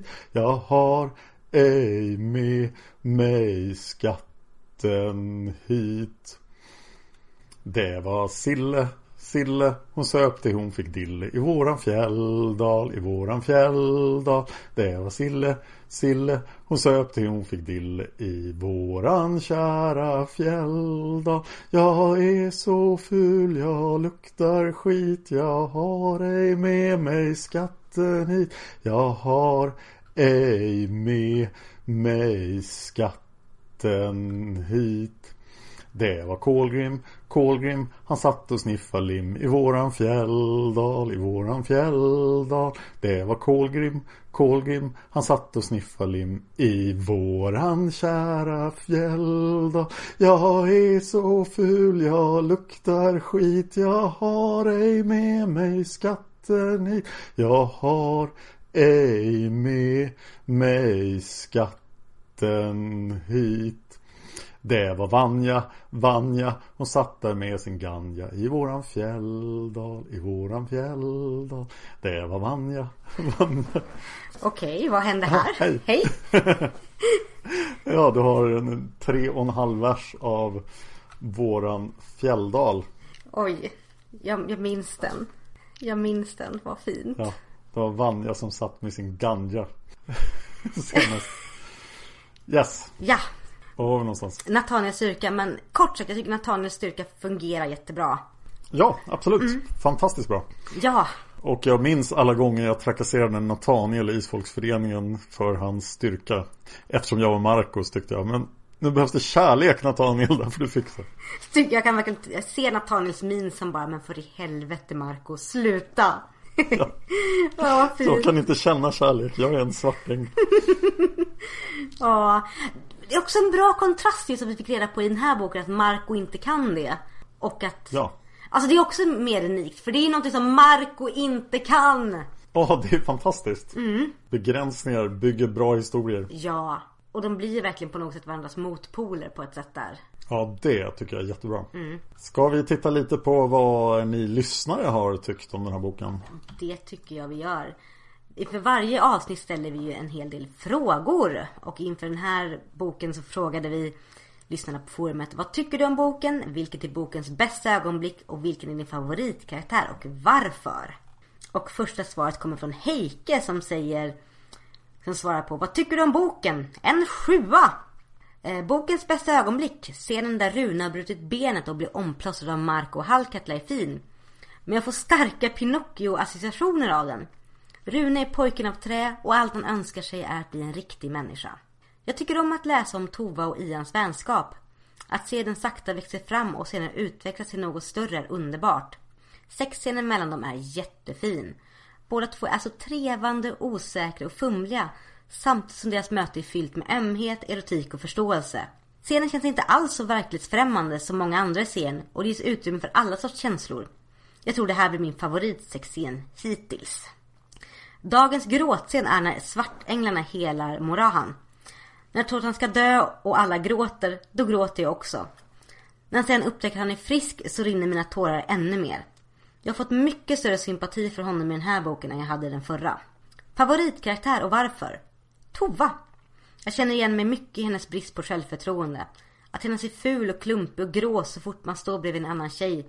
Att se männen tittar en extra gång på alla söta tjejer och samtidigt inse att de inte ens vet mitt namn. Oviktiga saker kanske, men ändå så sårande. Lyckligtvis har jag upptäckt att de känslorna försvinner mer och mer ju äldre jag blir. Övrigt. Och jag citerar från sidan 94 till 95. Marco, kan du inte göra något åt det här klankandet under bakhjulet? Jag såg snart inte ut längre, klagade Hallkatla. Ja, jag har hört något. Men under bakhjulen? Det var då en högst osaklig beskrivning. Under bakaxeln menar du väl? Slutcitat. Heike säger, ärligt talat, hur noga är det? Hallkatla har varit död i 600 år och dessförinnan isolerad i en fjälldal i hela sitt liv. Om hon säger bakhjul istället för bakaxel så kanske Marco ändå kan förstå vad hon menar. Det här var ju en bit av det jag läste högt för Jessica och hon skrek Marco din besserwisser Jag håller med. Ja, Och eh, sen säger Heike till stycke här på övrigt och jag citerar från sidan 151. Jag heter Margit Sandemo. Slutcitat. Heike säger Ridå! Jag hade helt glömt av att Margit dyker upp så här tidigt i berättelsen. Vad hon än hade, för tanke genom sitt gästspel så blir det inte bra. Tvärtom så är det i boken ett löjligt skimmer. Varje gång Hallkattla stöter på Rune säger han att Marco inte har tyckt om det. Vad tusan har Marco med saken att göra? Så pryd kan han väl inte vara att han inte ens tål att höra om folks kärleksmöten. det är jättekonstigt Rune, du får inte ha några kärlekshistorier men Marco! Nej! Fy Rune! Gå! Var i celibat som den träpinne du är. mm, Du är en planta, du är ingen riktig pojke Rune Oh no! Wow! Känslor överallt. Pinocchio Ja. Ja, nästa svar kommer från eh, Blodshämnd. Eh, jag gillar verkligen boken. Den är hur spännande som helst. Inte den bästa av de sista böckerna, men ändå väldigt bra. Så mycket händer i den här boken jämfört med de senare. Det hade jag helt glömt bort. Den, de tar sig över stora ytor liksom. Det jag inte gillar är att Margit dyker upp. När jag lyssnade på boken senast och hörde Jag heter Margit Sandemo så kände jag nej! Jag minns inte att hon dök upp här. Men i alla fall så var det en väldig tur för Gabriel att Margit dök upp. När, han, när hon gjorde, för utan henne, vad hade då hänt? Nathaniel var upptagen i sin sorg över Ellen och sorgen över hans far, stressen över begravningen. Han hade inte tid att tänka på sin uppgift och ännu mindre på sin unga släkting. Det hade väl bara varit att skicka en svart ängel och hämta honom också. Det händer mycket roligt i den här boken. Jag gillar hur Rune och Halkatlas relation eh, börjar växa fram och en kan ana känslor komma fram mellan dem. Jag känner verk mig verkligen kränkt med Halkatla när Rune avvisar henne. Jag förstår precis hennes känslor och även när hon hoppar in i bilen med den andra mannen. En annan relation som växer fram är Tova och Ians. Och även den gillar jag att följa. Det är så fint att se kärleken växa mellan dem. Desperationen båda har. Tova att hon aldrig ska träffa någon och Ian att han inte lämnar något efter sig. Sexscenen dem emellan är fin och även den lätt att känna igen sig i. Eh, bokens bästa ögonblick då. Det finns många bästa ögonblick i boken så jag listar dem i oberoende ordning. När Gabriel når fram till de andra, den lyckan och lättnaden han känner är påtaglig. När Marco, Halkatla och Rune når fram till Tova och Ian, även det ett fint återseende. Tova och Ian sexscen och när Rune tröstar Halkatla. Vilken är din favoritkaraktär och varför? För mig står det mellan Tova och Halkatla. I princip är det ju samma person, födda i olika tider och olika kroppar. Jag förstår dem båda så otroligt väl och känner exakt det de känner. Halkatlas känslor och vilja att få se och uppleva världen var så jag kände i mina tonår. Tova är tuff och känslosam och jag älskar det. Kanske ett långt svar men eh, må så vara. Heja podden! Yay, tack! Woo! Ja, nästa svar kommer från Silja Arngrimsdotter som säger Vad tycker du om boken? Eh, jag tycker väldigt bra om kärlekshistorien mellan Tova och Ian. Den är det bästa med boken. Allt annat är lite sådär. Jag gillar inte passagerna med Tengil onde i kroppen på dammsugarförsäljaren. Jag gillar inte heller när Margit blandar in sig själv i handlingen. Jag skulle gärna ha Frågat henne vad i all världen hon tänkte på när hon skrev det. Ja. Det är denna boken att Nathaniel plötsligt finner ut vad som är hans formidabla styrka. Den enorma övertydliga kraften som släkten har väntat på i flera hundra år. Den som inga andra kommer in i närheten av. Eller? Den är kärlek! Är det fler än jag som blir helt överraskade, tagna på sängen över detta? När jag tänker efter så är det lite fint också. Att kärlek och värme kan bekämpa all världens ondskap. Men det var verkligen inte det jag förväntade mig av isfolket speciellt utvalda. Bokens bästa ögonblick. Utan tvivel när Marcos vän Svartängen helar Ian. Då gråter jag. Så fint. Jag gillar också samtalen mellan Marco och Ian innan detta. Ians och Tovas lilla privata stund på hotellet är också väldigt fin. Och när de närmar sig Dovre och Tova tänker, och jag citerar från sidan 57. Dovre, tänkte Tova vemodigt. Dovre, så mycket de fjällen hade betytt för isfolket. Hade Charlotte Maiden var på väg söderut med, tillsammans med Tengil och Silje och barnen Sol, Dag och Liv för många hundra år sedan. Hon hade velat ge dem en gård i Akershus som tack för den tagit sig an Dag. Slutcitat. Ser man på, Dag är, inte, Dag är visst inte helt bortglömd ändå. Tova tänker också på alla de andra som har rest förbi. Som Tarjei, Ulfhedin, Heike och så vidare. Ett så fint nostalgiskt ögonblick. När Nathaniel får se den unga versionen av Benedikte och säger till henne att, hon, att han förstår varför Sandra fallit för henne. Så fint. Och när han samtalar med Tagenor, Dida och Tengel i den gamla delen av Lindalen och André och Mali får vara med. Favoritkaraktär? Ian Morahan utan tvivel. Han är verkligen genomsympatisk. Och det är trist när man tror att han ska dö. Han blir dåligare och dåligare. Lik ändå så kämpar han på. Det påminner mig lite grann om Thomas. Kanske just på grund av sjukdomen. Det är sagt att Margit ska ha skrivit in sin man Asbjörn i en av sina karaktärer. Det slog mig när jag läste den här boken nu att Ian kanske är en av dem. Och Tova påminner en hel del om Margit själv. Ja, intressant. Ja, verkligen. Några funderingar. Marco och Hallkatla, Eh, smågrälar tror jag. ja, och förorsakar ett gapskratt hos mig. Och jag citerar från sidan 93 till 94. Jag måste inflika jag har lärt mig ett norskt ord idag som jag tyckte var intressant. Från den här posten. Oh, Dammsugare på norska heter alltså stu, storsugare, alltså stugsugare. Mm. det är jätteintressant och jättefint. ja, från sidan 93 till 94. Jag läser.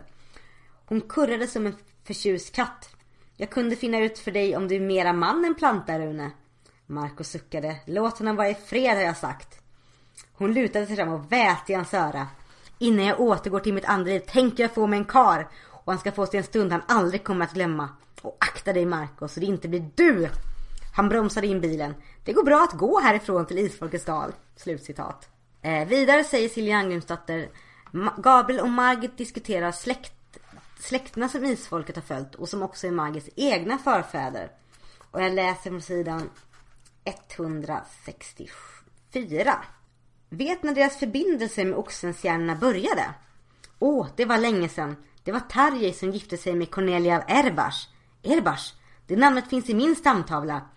En greve George av Erbars till Breuberg och hans dotter Juliana av Erbars som gifte sig med George av Löwenstein und Schwarferneck. Ja. Jo, men det var Cornelias farfar. Han till Bröberg och hennes föräldrar dog så Juliana tog hand om henne. Men Gabriel, då är vi släktingar du och jag. Slutcitat. Och Silja Agnesson säger, det är ju bara det att Gabriel inte stammar från Tarje Cornelia. Så han kan omöjligt vara släkt med Margit. Det kan däremot Marco, Nathaniel Tova som alla är efterkommare till de här ätterna. Gabriels förfäder har följt andra av Margits förfäder som, som Korfis Brekt och Arvid Posse. Men de är ju inte ingifta i isfolket. Whoops. Hoppsan. Vidare säger Siri Adamsdotter Sol säger till Kolgrim på sidan 241 du är min enda släkting, sa hon stilla. Och jag är din. Slutcitat. Och Silja Adamsdotter säger Va? Det stämmer ju inte helt. Sora har ju faktiskt hälsat på sin mor i Demonas fjäll. Och vad hände med Tengel, Liv och Are? Och dottern, Solgrim, Kolgrims mor. Det borde väl hellre ha stått någonting som närmaste familj. En liten logisk brist som kommer fram på sidan 202 och 204. Jag citerar. De lyckades förlåna Oppdals största uthyrningsbil. För efter Gabriel kommit till så var det många. Slutcitat. Och Siljanslutet påpekar. Men sedan hände det här. Citat. Det var Marco som körde motorcykeln med en hänryckt Gabriel bakpå. De andra satt fint i bilen. Tova körde den. Slutcitat. Det missar jag helt. Ja. Det är en jättemiss. Ja, och Silja Ahlgrensson säger Jag förstår inte varför Gabriel måste sitta på motorcykeln när det bara är sex stycken och de hade fått plats i en stor hyrbil. De måste ha plats för minst fem personer till. Och om det bara inte är för att Gabriel... Va? Alltså om det inte bara är för att Gabriel vill åka motorcykel. Och för att ge Ian extra plats. Ja, men så kan det ju vara. Eh, helande Shira och svartänglar. Silja Aronsson säger Shira räddade lille Jolin från att dö av hjärncancer med hjälp av det klara vattnet. Varför kan det inte bara komma och stänka ett par droppar på Thomas eller Sander? Eller Saga eller Vanja? Och varför måste svartänglar som är där för att hela Ian varför måste det till svartänglar för att hela Ian och skapa om runor från en liten rot till en människoliknande väsen? Kunde inte livets vatten ha lika väl ha fixat det? Mycket här. Ganska bra frågor. Väldigt bra frågor. Nästa inlägg är från fröken Anna-Maria Som bara har ett mycket kort inlägg den här gången För hon tittade på eh, Eurovision och glömde bort att hon inte hade skrivit om bok 43 Oj oj. Som helhet tycker jag boken är lika rörig som den förra För starka hjälpare till isfolket och för korkade till Tengilonde jag tycker inte om eh, väljarna. Gabriel är lillgammal och Margits eget inhopp känns konstigt. Händelser jag gillar är Tovas och Ians kärlekshistoria. Att Nathaniels dolda kraft är kärlek tycker jag också om.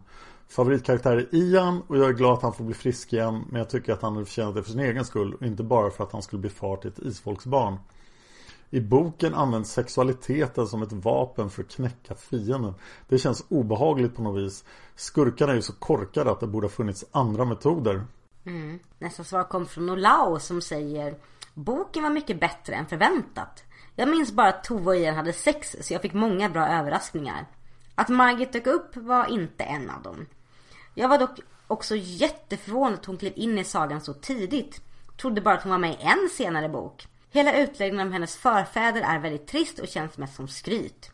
Det jag gillar med boken är att vi får följa många olika karaktärer och att det är väldigt spännande. Håller dock med att, att om en, Håller dock med att en del av spänningen förtas i och med att Isfältet har så enormt starka hjälpare. Försöket att balansera genom att skicka Stormdemon till det stora svalget räcker inte riktigt. Bokens bästa ögonblick.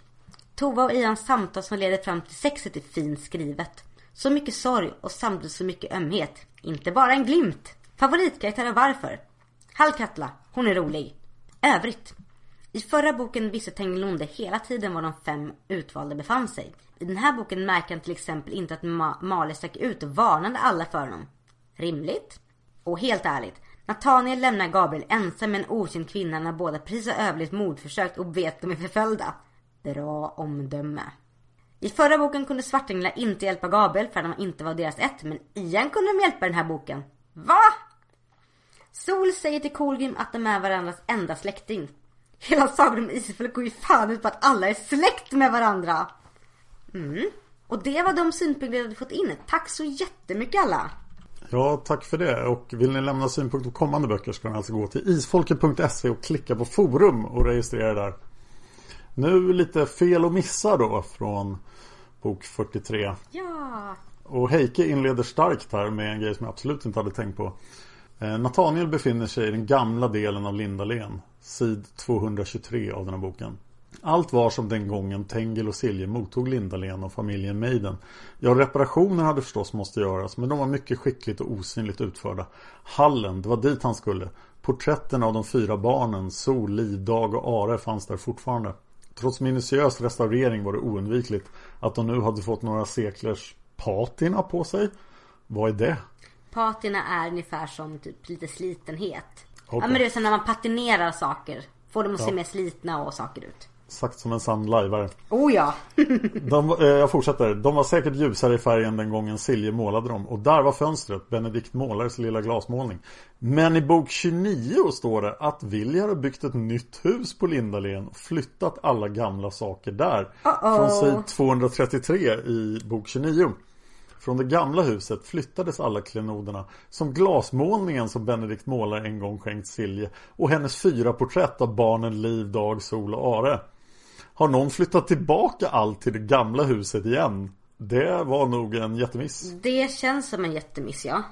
Eftersom det inte nämns någonting om att de flyttar tillbaka så det är en miss. Ja, men en ganska lätt miss att göra som författare i 47 böcker. Ja.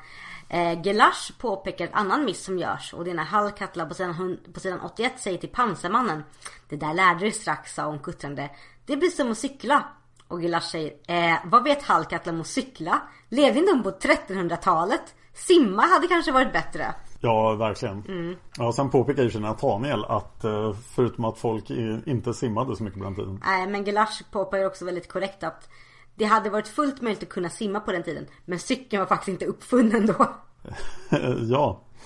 Eh, Nästa fel kommer från Heike igen. Året är 1960 och Tengil den onde lyssnar på radion. Sid 195. Man pratade om de lyckliga majdagarna 1945 då det stora kriget snart var slut och tyskarna hade lämnat Norge. Tengil den onde påverkar radioprataren så att han spelar en olämplig sång som avslutning. Eh, och citat från boken igen. Ett gripande 25-årsminne totalt förstört. Räknar på fingrarna. Nej, det är inte 25 år mellan 1945 och 1960. Nope.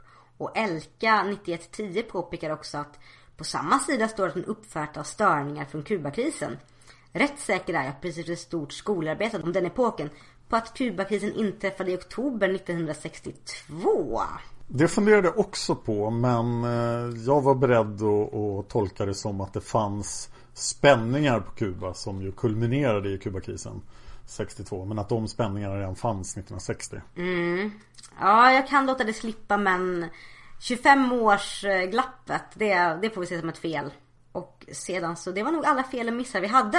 Ja, och då har jag lite synpunkter från eh, Jessica, alltså Ja! Vanja på forumet. Eh, eh, Ja, vi har redan pratat om det här men nu tar vi det igen. Sid 29. På Lindalen hade han redan gjort sig av med den värsta, Benedikte. Skönt. Och så var det våldens. Han mötte bara Hanne, Vettles franskfödda hustru, ingen av isfolket. Men hon fick duga. Till skräck och varnagel för de andra. Med henne gjorde han processen kort. Gitte inte ens förställa sig. Hanne, som visserligen var varnad men bara såg en vanlig man i solglasögon, hade aldrig någon möjlighet att försvara sig. Eftersom Vettle och hon nu bodde i Jonathans hus släppte de andra där undan. Joakim och Karine brydde han sig inte om. Eh, de hade den där sonen Gabriel som hans män redan var på jakt efter och snart skulle ta. Men Nataniels föräldrar hatade han för de hade en sån son som han. Krista var inte hemma. Offret blev Abel Gard som försökte driva Tengil den onde tillbaka med bibeln i hand och kraftfulla bibelord. Han kunde lika gärna ha viftat med en näsduk. Abel föll till golvet, en oskyldig i denna fasansfulla strid. Rickard och Winnie slapp undan. Tengil den onde ville hellre koncentrera sig på den uppstudsiga dottern Tova. Henne skulle han ta med den största skadeglädje. Och hos Skogsrud hade han ju redan skördat Ellen, liksom Kristel hos Marie och Ole Jörgen. Det här fattar jag inte alls, säger Vanja. Alla barnen och några till blev skickade till Demonernas fjäll för att skyddas för isfolket visste att Tengel var på väg. Det är ju inte direkt så att platserna tar slut i Demonernas fjäll. Nej, tyvärr Abel. Du skulle ha skaffat förköpsbiljett som alla andra. Men nu får du vänta hemma. Varför fick inte alla som var i fara komma dit?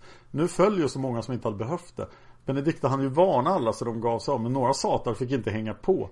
Känns som det inte finns någon bra förklaring till det och några måste köttas bara för dramatikens skull. Sid 150. Klockan är inte så mycket säger han. Vi borde nog sova en stund. Ja, visst, morgondagen kan bli svår. Och jag känner Marco. Han är en sån där outhärdlig morgonpigg varelse som går upp tidigt jämt. Tova har kanske sovit på samma ställe som Marco i två, kanske tre nätter typ. Hur väl känner hon hans sovvanor? Han som aldrig sovit innan heller borde ju vara ovan att försova sig jämt. Jag kan se om de springer in i rummet när alla ligger och sover och hoppar i deras sängar och drar upp rullgardinerna så de får solen i ögonen. Vakna, vakna, klockan är fem, ni måste gå upp, gå upp, gå upp, gå upp. Hoppar i sängen tills han får en kudde i ansiktet. Far åt helvete Marco. Sid 151, citat från boken. Jag heter Margit Sandemo. Vanja skriver I rest my case. Sid 194. Sådär ja, väste Tengen underbelåtet. Nu tror jag de får problem på det där motbjudande fredsmötet. Och det gjorde de. U2-affären blev en het potatis för båda parter och Pariskonferensen slutade i full oförsonlighet. Detta förutsåg Tangil och hans onda hjärta gladdes. Jag skulle kunna köpa att isfolket har hänt på riktigt till viss del. Om det inte vore för att Tengil Nonde varje gång han är uppe och skuttar startar världskrig på fem minuter. I ett stycke så fixar han ett antal världskatastrofer. Han mixar med radiokanaler etc. Innan han flyter vidare för att ta en fika typ. Få inte storhetsvansinne Tengil. Sid 277. André nickade allvarligt. Så du menar att något har bränt sig fast i glasrutan? Just den synen av en flicka som stirrar upp i en liggande fönsterruta. Så som det heliga klädet i Torino som har ett avtryck av Kristi lidande ansikte. Och där kom ännu en av dessa smidigt inpressade referenser till något helt ovidkommande. Sid 229 Nathaniel hälsade Dida och Targenor och berättade vad han sett. Att Ulf Hedin och Benedikte också hade sett något men mera otydligt. Och då mindes Tengil den gode att han också hade skymtat något i fönstret. Han hade trott att det var bucklor i glaset som förändrades när man gick förbi. Alltså nu passar det att minnas Tengel efter 300 år. Då kommer allt tillbaka. Jag tror att han bara hittade på för att inte känna sig utanför. Förresten så köper jag inte den här fönstergrejen riktigt. Det märks att det är ett infall som kommer rätt sent. Till skillnad från Dida som dök upp redan i bok 17 eller något sånt. Om inte tidigare ändå. Sid 232. Targenor log torrt. En gång förflyttade min skyddsring Vettle från Europas slagfält och hem lika snabbt som vinden. Jag får väl ta med dig upp till de andra. Sagan om ringen-syndromet. Om de kunde flyga med jättefågeln hem, varför fick de inte skjuts från början? Om vandraren och svartänglarna kan ta dem till isfolkets dal på nolltid, varför måste de åka flyg, motorcykel, bil, tåg och gud vet vad med massa faror på vägen? Ja. Relevant fråga. Mhm. Och jag tror att Sauron kunde upptäcka örnarna om de hade flugit på örnarna. Så att det håller i Sagan om ringen tycker jag, men inte här. Sid 236. Marco, du och jag har gått i vårt livs värsta fälla. Det här klarar vi inte ensamma min vän. Sol ojar sig över Ulvar och Kolgrim som står där. Redo att förlåta så det bara skriker om det. Men ändå är det deras livs värsta fälla. Oj, oj, oj. Tengil onde ingenting mot det här. Men kronan visar sig faktiskt i den här scenen. Två tummar upp. Yay! Hej, kronan! Ja, trodde att Margit hade glömt den. Men det hade hon inte. Eller, nej. Nej, den var ju faktiskt med här. ja, den var med. Ja, och Ulvar kunde ha fått den också om han bara hade skött sig lite bättre. Fast det var ju inte hans fel. Nej, det var förbannelsen. Mm. Oj! Det var den boken. Det var den boken och nu laddar vi för nästa bok, Den onda dagen. Och jag är lite, oh, jag är lite rädd Dan. Ja, min första fråga är då, eftersom den här boken började med den svartaste dagen i isfolkets historia. Är den onda dagen då en ännu läskigare en dag än den 8 maj? Ja, jag tänker mig att det är skillnad på svartaste dag som är sorg, ond, bråd död och en dag som består av hemskheter och ond, bråd död. Vänta nu förresten, om den här boken börjar den 8 maj. Då funkar ju inte det här med U2-planet. För det var den första maj. Oj! Stopp och belägg! Mm. Margit. 8 maj! Ja! Ja.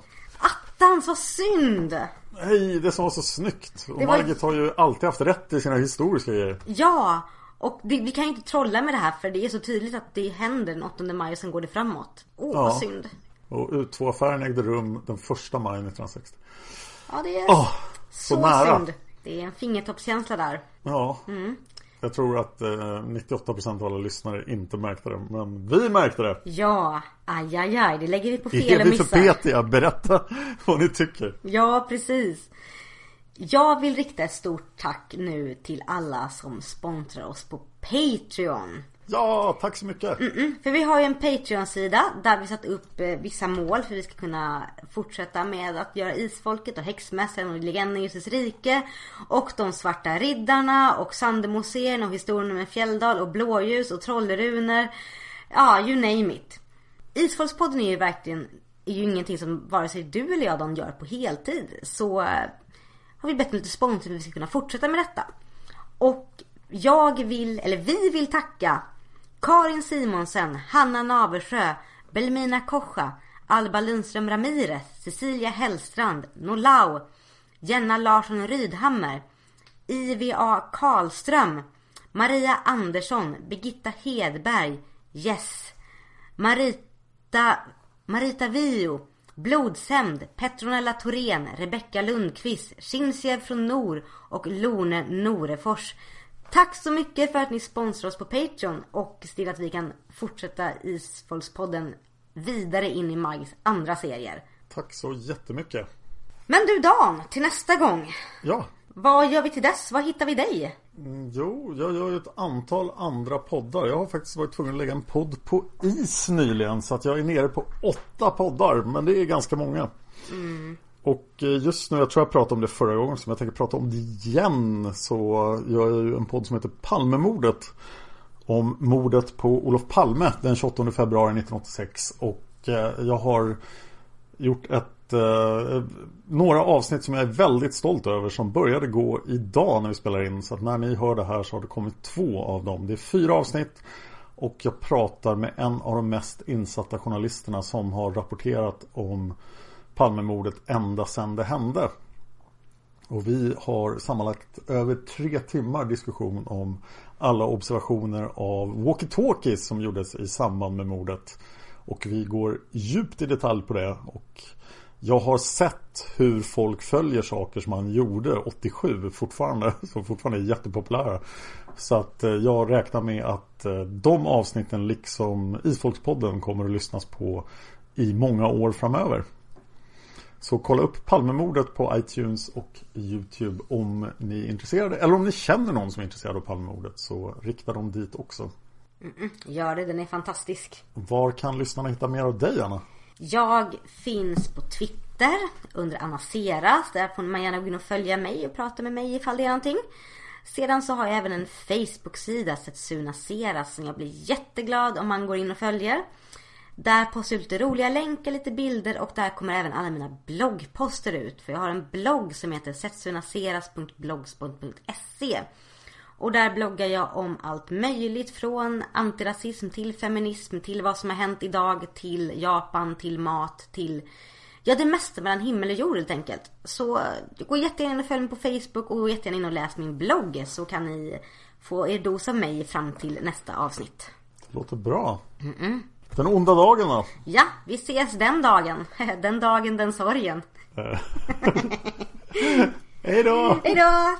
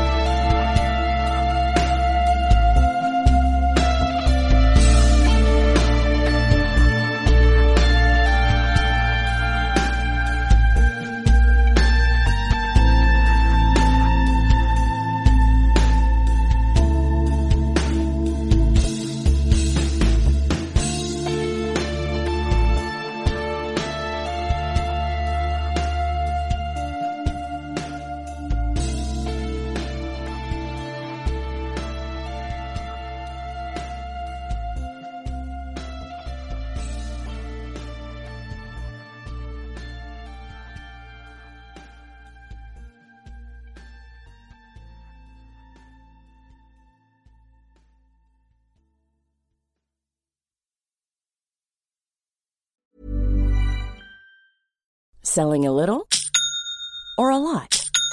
Shopify helps you do your thing however you cha-ching. Shopify is the global commerce platform that helps you sell at every stage of your business. From the launch your online shop stage to the first real life store stage, all the way to the did we just hit a million orders stage. Shopify is there to help you grow. Shopify helps you turn browsers into buyers with the internet's best converting checkout. 36% better on average compared to other leading commerce platforms because businesses that grow grow with Shopify. Get a $1 per month trial period at shopify.com/work. shopify.com/work. Planning for your next trip? Elevate your travel style with Quince. Quince has all the jet-setting essentials you'll want for your next getaway, like European linen, premium luggage options, buttery soft Italian leather bags, and so much more. And is all priced at 50 to 80% less than similar brands. Plus, Quince only works with factories that use safe and ethical manufacturing practices.